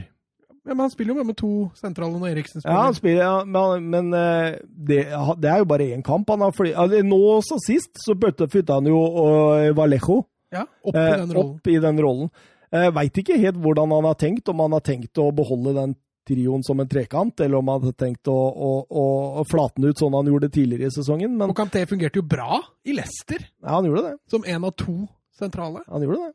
Det er ikke sikkert det er en dårlig match. Altså. Nei, og så må man jo huske altså Inter skal jo spille Champions League. Uh, altså, det, blir jo, det blir jo knallhardt kampprogram nå, nå videre i løpet av høsten grunn av Altfor sein start. Ja, nettopp. Uh, så ja, det kan jo være greit å ha flere klassespillere på en, uh, på en så viktig posisjon som sentral midtbane. Men Inter blir linka til mye gode Ja, spillere blir for det. altså. Har de, har, har de så mye penger? da? Ja, jeg tror de har gitt Conte Altså, Selger de Martinez, da, så får de jo sikkert litt grunker. Nei, det gjør de ikke, for da får de masse spillere. Ja. Hvis du selger til Barcelona, så er det helt riktig. Da får du masse spillere. Ja, men det er- er jo ikke noen andre steder Martinez går. Enten så går han til Barca, eller så blir han i Inter. Det tror jeg er ganske sikkert. Jeg så United også var litt rykta til. Ja, det tror jeg ikke på. Tenk deg han i United, da. Det kunne vært bra. Det kunne vært bra. Uh, The Mirror hevder at Solskjær ønsker Ben Shilwell uh, oppgradering fra Luke Shaw. Luke Shaw, vel? Ja, Det betyr at Shaw, Altså, hva med en rein swap der? Shaw i Leicester måtte Har være bra. Shaw vært brukbar nå, Wow, wow. etter koronaen? Jo, men Shaw er jo ikke noe Altså, Jeg ser jo helt klart at det er en posisjon United kan forsterke. Ja, det er nettopp det. det er det. Eh, sammen Vi- med vi- den ene stopperen, og kanskje og Jeg syns også Wambisaka har vært Southampton er jo Wambisaka svak. Ja. Så det er jo helt klart at eh, forsvarsrekka til United generelt kan jo forsterkes. Generelt, det er jeg helt enig i. Eh, Tuto Mercado hevder at eh, Manchester City og Pep Guardiola har kasta seg inn i kampen om Thiago Alcantara. Den så jeg nesten komme. Ja, det er jo Det er en spiller som passer perfekt i, uh, i Guardiola-systemet, egentlig. Så, Det er jo helt perfekt. Ja, det er han i håndska. Og så forsvinner jo David Silva, så en Tiago inn der for David Silva tror jeg nok Pep hadde vært strålende fornøyd med. Deilig, deilig. Kjipt for Eh, Phil Foden, da. Ja, det Han kommer til å få sine kamper. Stakkars Altså. Phil Foden. Han kommer alltid der. Han har vært bra. Ja, jeg, jeg, etter hvert så tror jeg ikke Pep kommer utenom Foden Nei, uansett. da. Tror jeg ikke. Altså, Tiago Thiago er 29. Ja, ja. Så, ja. Eh, det svært troverdige eh, The Athletic hevder å vite at Frank Lampard ønsker å bytte ut Kepa med enten André Onana eller eh, Dean Henderson. Eh, Daily Mirror hevder videre at det er Jan Oblak som er Lampards valg, og at et bytte Kepa pluss penger mot Oblak er det som blir diskutert innad i klubben. Gå Atletico med på det, altså? Det Jeg tror heller at Men Oblak har jo drivet og sagt at han vil vekk. ja. Jo, men det har vært i United. Ja, Det har jo ikke vært i noen andre. nei, Når United ikke. Ikke blei aktuelt, så forsvant jo alle ryktene rundt han med en gang. Ja. Jeg tror også, Og så tror jeg ikke Atletico har lyst på Kepa. Nei, det er ass. akkurat det. det. Da må de ha bare penger, så de kan kjøpe seg en annen keeper. Snakk om en keeper som nærmest blei hylla og dratt fram som den neste store spanske landslagskeeperen. Mm. Og så har det bare gått rett vest i løpet av en sesong. Men Dean Henderson, det har vært veldig spennende, syns jeg. Det har vært, Jeg det hadde United selger Ja, til Chelsea. Nei, det tror jeg ikke, men det har vært spennende. Det spørs litt hva de har for valg da, i forhold til DGA. Henderson har vært ute og uttalt også at han skal gi Solskjær et skikkelig luksusproblem neste år. Ja, Så han er villig til å kjempe om Ja, jeg så han hadde uttalt det. Mm. Mm. Schalkes eh, Weston McKennie eh, kan ende opp i Chelsea eller Liverpool eh, i sommer. Ja, jeg så det. Eh, Spennende. Altså, han, han er jo en ung, eh, ung defensiv midtbanespiller som han, altså, Jeg vil jo si at han akkurat nå ikke er på det nivået som trengs i de klubbene der. Uh, men det betyr ikke at han ikke kan komme dit. Han er jo absolutt lovende. Men altså, han er ikke en umiddelbar forsterkning. Han er da mer en eh, perspektivspiller som man bygger opp til å vokse seg inn i en sånn rolle. Mm. Jalke trenger jo ikke penger. ja, ikke i det hele tatt. Hva var det du sa? At nå er, nå er det ikke mer igjen der? Ja, nå har jo Schalke, Schalke styret har jo gått ut og sagt at nå kan vi bare glemme å kjempe om Europa fordi vi er så blakke. Har jo uh, har vært en greie med han eh, Clemens Tønnis òg. Han uh, styresjefen han kom jo med rasistiske utsagn allerede i fjor. Og så hadde han nå den skandalen i sitt slakteri, der det brøt ut korona blant 1500 ansatte, og skikkelig kaos visste ikke hvor de ansatte bodde og hele pakka. Så han, eh, han har trukket seg, men det forsvant jo også litt sånn økonomisk bakgrunn ut av klubben, i en klubb som allerede sliter med det økonomiske. Altså, Sånn rent omdømmemessig var det at Tønnis forsvant noe av det beste som kunne skje med Schalke. eh, Og på det moralsk-etiske i hvert fall. Men eh, økonomisk sliter den klubben da, altså. Men det er jo ikke sånn at uh, hvor mye penger du har, avgjør om du kommer til Europa eller ikke. Nei. Er det sånn at de planer å selge masse spillere? da? Ja, men de sier jo de sier selv at de, nå, at de skal innføre sånn, eh, sånn maks, eh, maksgrense på spillerlønninga. Og jeg spørs hva de da får, når de sier at våre spillere skal ikke tjene mer enn så og så mye. Deilig. Deilig! Mange seriøse rykter angående at Kristoffer Ayer kommer til å bli Fertongens arvtaker i Tottenham Hotspur. Ok, Mm. det har ikke jeg lest om. Ja, nå går det over alle Er det på. Tottenhams venner, eller? Nei, nå går det over alle Nå eh, bare du possa over på Twitter i dag om dette. Ja. Hva tenker vi om det? Spennende, i hvert fall, vil jeg si. Uh, jeg, jeg er litt fan av Eie, men han er kanskje fortsatt litt for ustabil. Eh, men på, sitt- på sitt beste er han jo, han jo veldig god. Uh, bare problemet er at han ikke nødvendigvis leverer sitt beste femkamper på rappen. Er han god nok defensivt for Mourinho? Det blir spennende å se, da. Altså, da Blir blir det jo å se. da- Du da- tror da- han da går til Tottenham? Eh, altså, det, det er såpass sterke rykter om dette nå, og såpass eh, troverdige folk som sier det. Så det må jo i hvert fall ligge noe bak der, da, så får vi jo se. Men, men eh, da går han jo inn som én av fire stoppere, sammen med Sanchez, Aldevereld og Tanganga? Og, nei, og uh, Dair. Tanganga, ja. Ja jo, greit. Fem, da. Fem. Eh, Så det blir jo en kamp om plassen og spilletida, i så fall. Eh, Men eh, Ja, jeg, altså, han er, har mye å gå på på det defensive. Ayer, altså. Han er en fantastisk offensiv stopper, god i det offensive. Mourinho som har veldig fokus på det defensive, spesielt hos for de defensive spillere. Men tror du ikke han kunne lært mye? av Jo, Mourinho? Jo, jo, jeg sier ikke at han ikke kan utvikle seg. Det kan han, kommer han jo måtte må gjøre hvis han skal spille. Så Tottenham har jo blitt lysår bedre defensivt den siste tida. Ja. Svakere offensivt. Lysår. Det er mye. Svakere offensivt, da. Ja, det er også lysår. Eh, De Independent hevder at Thomas Tuchel og Paris Saint-Germain har gjort Marcus Rashford til deres pri 1 eh, den eh, dag de mister Mbappe. Den dag, så Den de dag. er forberedt på det. Ja, og da er det Rashford som skal inn. Ja, det, Så lenge han spiller førstefiolin i United, så tror jeg det er uaktuelt. Ja, jeg tror det. Jeg tror, altså, du kan komme med det lasset med penger du bare vil, tror jeg. Ja. Har ikke noe å si. Spørsmålet er jo hva som skjer når Sancho kommer inn. Det blir spennende å se. Tror du det skjer? Hørte Dortmund skulle ha 130 millioner euro, og de fira ikke på en euroseddel engang. Euroseddel. Du skal ikke ha 129,9.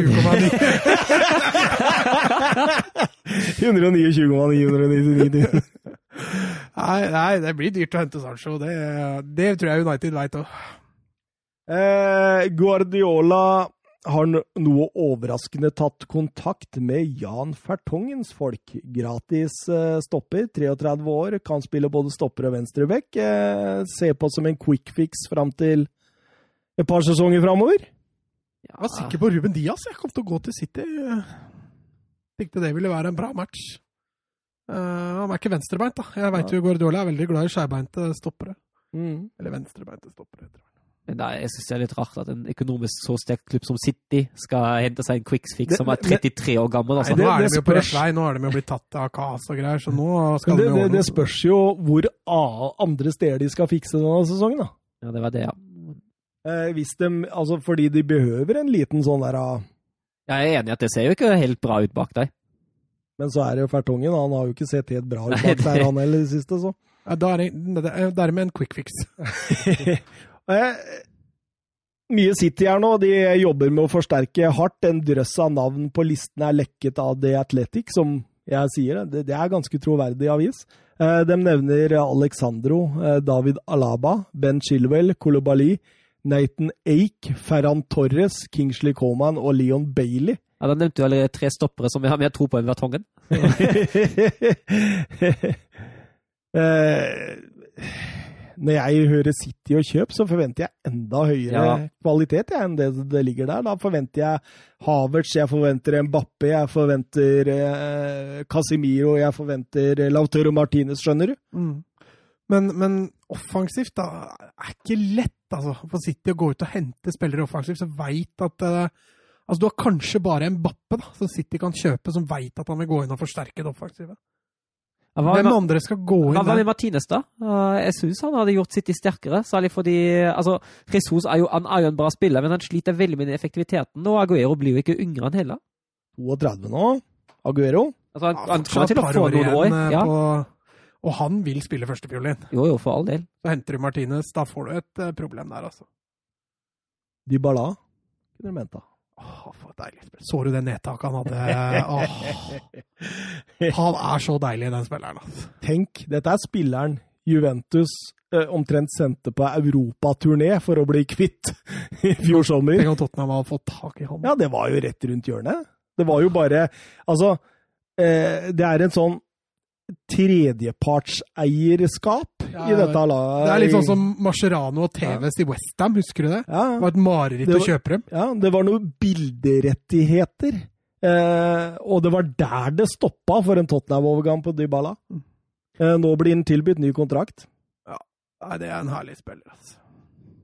Eh, et par til, et par til. Eh, både City og United vil eh, forhøre seg om eh, Oyarzabal ved sesongslutt, Mats. Eh, utkjøpsklausulen skal ligge på 70 millioner euro. Ja, hvis du må betale det, så er det fryktelig mye penger, da. Men Oyar Sabal er jo en relativt solid spiller, så jeg tror han ville gjort det bra uansett hvor han går. Eh, sånn at jeg tror ikke det blir dumt. men å betale 70 millioner for det, det Han blir jo Han kommer jo ikke til å være en spiller som preger eh, sånn type Sterling, liksom. Han har ikke den kvaliteten, men han vil være en solid spiller. og meget godt stallfyll, og da om du vil betale 70 millioner for et stallfyll, det det er mye penger. Det du sier, er at han er ikke en spiller som går rett inn på disse lagene og forsterker. Nei, det er ikke per dag. Han er fortsatt ung, så Mm. han kan utvikle seg. Men eh, per dags dato tror jeg ikke han går inn og forsterker disse lagene. Hva tror du, Søren? Jeg er enig med Mats, ja. Altså, så hørte jeg, altså, Det var allerede i fjor, når eh, City ville ha Oyar Sabal som erstatter for Sané. Så det ryktet har jo vært en stund. Ja, og vart litt, ja.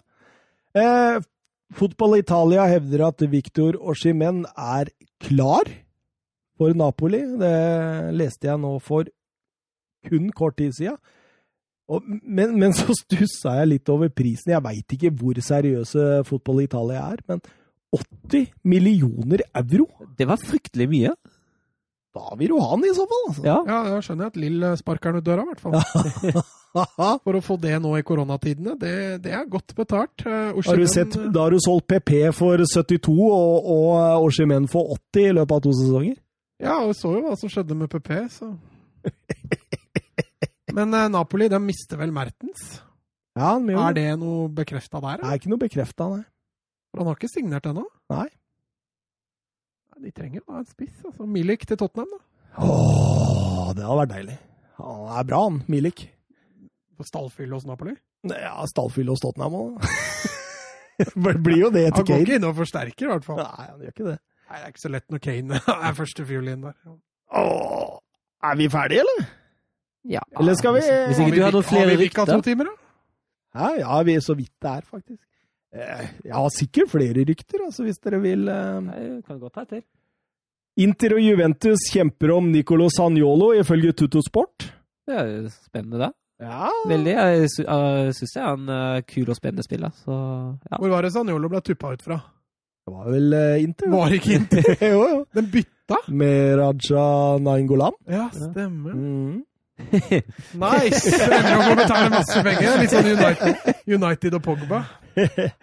Og så eh, Sist uke så hadde vi jo lest eh, noe, noen rapporter om at eh, City og United ønska både eh, Kolobali og Martin Skriniar. Eh, nå eh, sier eh, Tutto Sport at begge klubbene har bestemt seg for Skriniar. Ja, det så jeg at Skriniar hadde passa perfekt i United, leste jeg bare. 65 millioner euro. Det er bedre å betale det for Skriniar enn 90 for Kolobali. ja, det er jeg enig i. Jeg tror det er prisen som kan stoppe Kolobali for å dra. altså. Hvem er yngst av de der? Eh, Skriniar, tror jeg. Kolobali er vel 28, jeg tror Skriniar er 26 eller noe sånt. Skriniar er bunnsolid, altså. Han er bra, Han er litt sånn Nemanja Vidic-type. men så får vi se om Conte slipper han, da. Det, Det trestoppersystemet til Conte, vet du, han må ha i hvert fall fire-fem bra stoppere for at det der skal funke over tid. han må det. Calcio Mercato eh, hevder at Westham og Newcastle er ute etter Paul Lopez, eh, Romas eh, keeper. Han har vært, Brua har vært varierende, men eh, brukbar. Syns han er bra, jeg. Ja, han er bra. På sitt beste så er han jo knall. Var tredjekeeper i Tottenham for et par-tre sesonger siden, Ja, det, ja. som på lån. Tottenhams Victor Oshimen. Wolfsburg, Victor Ja. Aspen. Pierre Emil Høibjerg mistet kapteinsbindet når han sa nei til ny kontrakt. Nå er eh, Tottenham og Ajax interessert i den danske 24-åringen. Kontrakten går ut neste, etter neste sesong. Billigsalg på Høibjerg var jo spådd som en stor, stor talent i Bayern. ja, og så føler, føler jeg egentlig at han aldri har kommet seg litt forbi det statuset. Han har en sånn evig talentstempel på seg. Litt sånn, sånn Guardiola var jo veldig glad i ham, husker ja. jeg. Uttalte seg masse positivt om Høibjerg. Ja, men altså, altså, altså bare stoppa utviklinga. Han stoppa litt sånn som altså Jeg vil ikke si at han ikke har utvikla seg i det hele tatt, men uh, iallfall ikke som, uh, som ønsket og kanskje spot. Men altså, for all del, det er jo en uh, solid og brukbar fotballspiller. Jeg husker jeg ble overraska da han gikk til Southampton. At det liksom var et steg ned, liksom. Men han har, ikke, han- han har ikke greid å etablere seg noe sånn, som en stjerne heller. Så. Nei, Men han han er jo solid. Han solid. Han er kaptein, eller var kaptein i laget der, og gjør tydeligvis mye bra. Eh, jeg, jeg, Er vi ferdige? Jeg, har ikke mer, altså. Nei. Det var det jeg hadde. Jeg hadde jo, jo forresten. Eh, det går sterke rykter også om at William kommer til å gjenforene seg med José Mourinho. Er du fornøyd med det? Sånn han så har spilt nå i etter koronaen, så børste støv av han og, og kaller et par sesonger til OK sjakkmatt. Det er helt greit, det, altså. Han har vært god. eh, Han går jo ikke inn og forsterker det Tottenham Nei. allerede har der. Han gjør ikke det, men Mourinho er glad i ham. Altså, du har Mora, Son, Bergwijn Hvem er siste igjen? Lamela, eller? Lamela er der uh, i den treeren, tenker Nei, jeg du på? tenkte på den der kantrollen da, til Mourinho. Å, Bergwijn, Son uh, Ja, uh, du har jo Bergwijn, Son Lamela kan spille der, men det er, ikke, det er, det er ikke der han Altså, hvis han skal ha fire stykker, da, så er vel, ja, da er Lamela ute av laget uansett. Mm. Ja, nei, altså, William har vært bra i år, han altså. Ja, han strålende, syns jeg, faktisk, for Chelsea nå. Eh, han og Pulisic på hver sin kant har jo gitt god avkastning. Skal vi nominere rundens scoring, eller? Skal vi gjøre det? Vi får gjøre det, da. Eh, Søren tok jo den mest klare. Ja, ja, jeg syns Lacassette mot Tottenham var fantastisk. Men jeg vurderte faktisk å ta Stirling mot uh, siste Stirling mot Brighton, bare fordi jeg, jeg syns den var eh, fantastisk morsom. Men, uh, ja, men samtidig altså, vi, vi må definere dette, da. ja, altså, vi, vi, vi gikk vel på det fineste, fineste Ja, og da er det jo ikke Stirling sitt. Nei, men eh, det, det blir Lacassette for min del. Altså, rundens mål. Det er jo det det heter. Du kan jo ta Stirling. Nei, jeg, jeg går for Lacassette. Altså, vi må jo la lytterne bestemme her. Og det er det som er gøy. Hvem vinner, liksom? Hvem får det beste målet? Jeg går for Mendy, i hvert fall. Det er for meg klasse. ja, da, Altså, for all del, Lacassette var klasse. Så er ikke det. da tror jeg faktisk jeg går for Kalinic, fordi eh, så har vi tre alternativer. Eh, Det er ingen, jeg som- synes- ingen som har sett det målet, vet du. Det er det som er kjipt. Nominerer det Ja, men det ligger jo Serie A-høydepunktet ligger jo ute på YouTube. Det er jo ikke noe problem. de, de får i hvert fall Du legger med link? De, de, de får i hvert fall ett stemme, da. Av meg. Det er bra, det. Nei, men da er de tre Lacassette mot eh, Tottenham, eh, Mendy mot eh, Granada og Kalinic mot Brescia. Det er de tre nominerte. Da får du prøve å huske å legge det ut, da. Jeg skal prøve. Ja. Jeg skal prøve. Du kan jo dele Twitter. Voldsomt press å være sånn Twitter... Ja, du kan, Du du kan kan dele dele med oss, det, da. så kan vi ta del i det. Ja, ja, ok, drev vi det, ja. Ja, hyggelig, hyggelig. Ja, men det, er kan- bare for å av, avløse deg litt innimellom. Da. Ja, du vi kan ikke ta fra deg noe ansvar eller noe sånt. Nei, Det er bare når du drar til fjells, er det umulig å få tak i deg. Jeg vi- ga ekskona di ansvaret for Instagrammen, så jeg er åpenbart på å delegere, jeg. Altså. Ja, ja, men det ligger jo i det navnet du akkurat sa, da. Det blir ikke så mye da når jeg er blitt ekskone.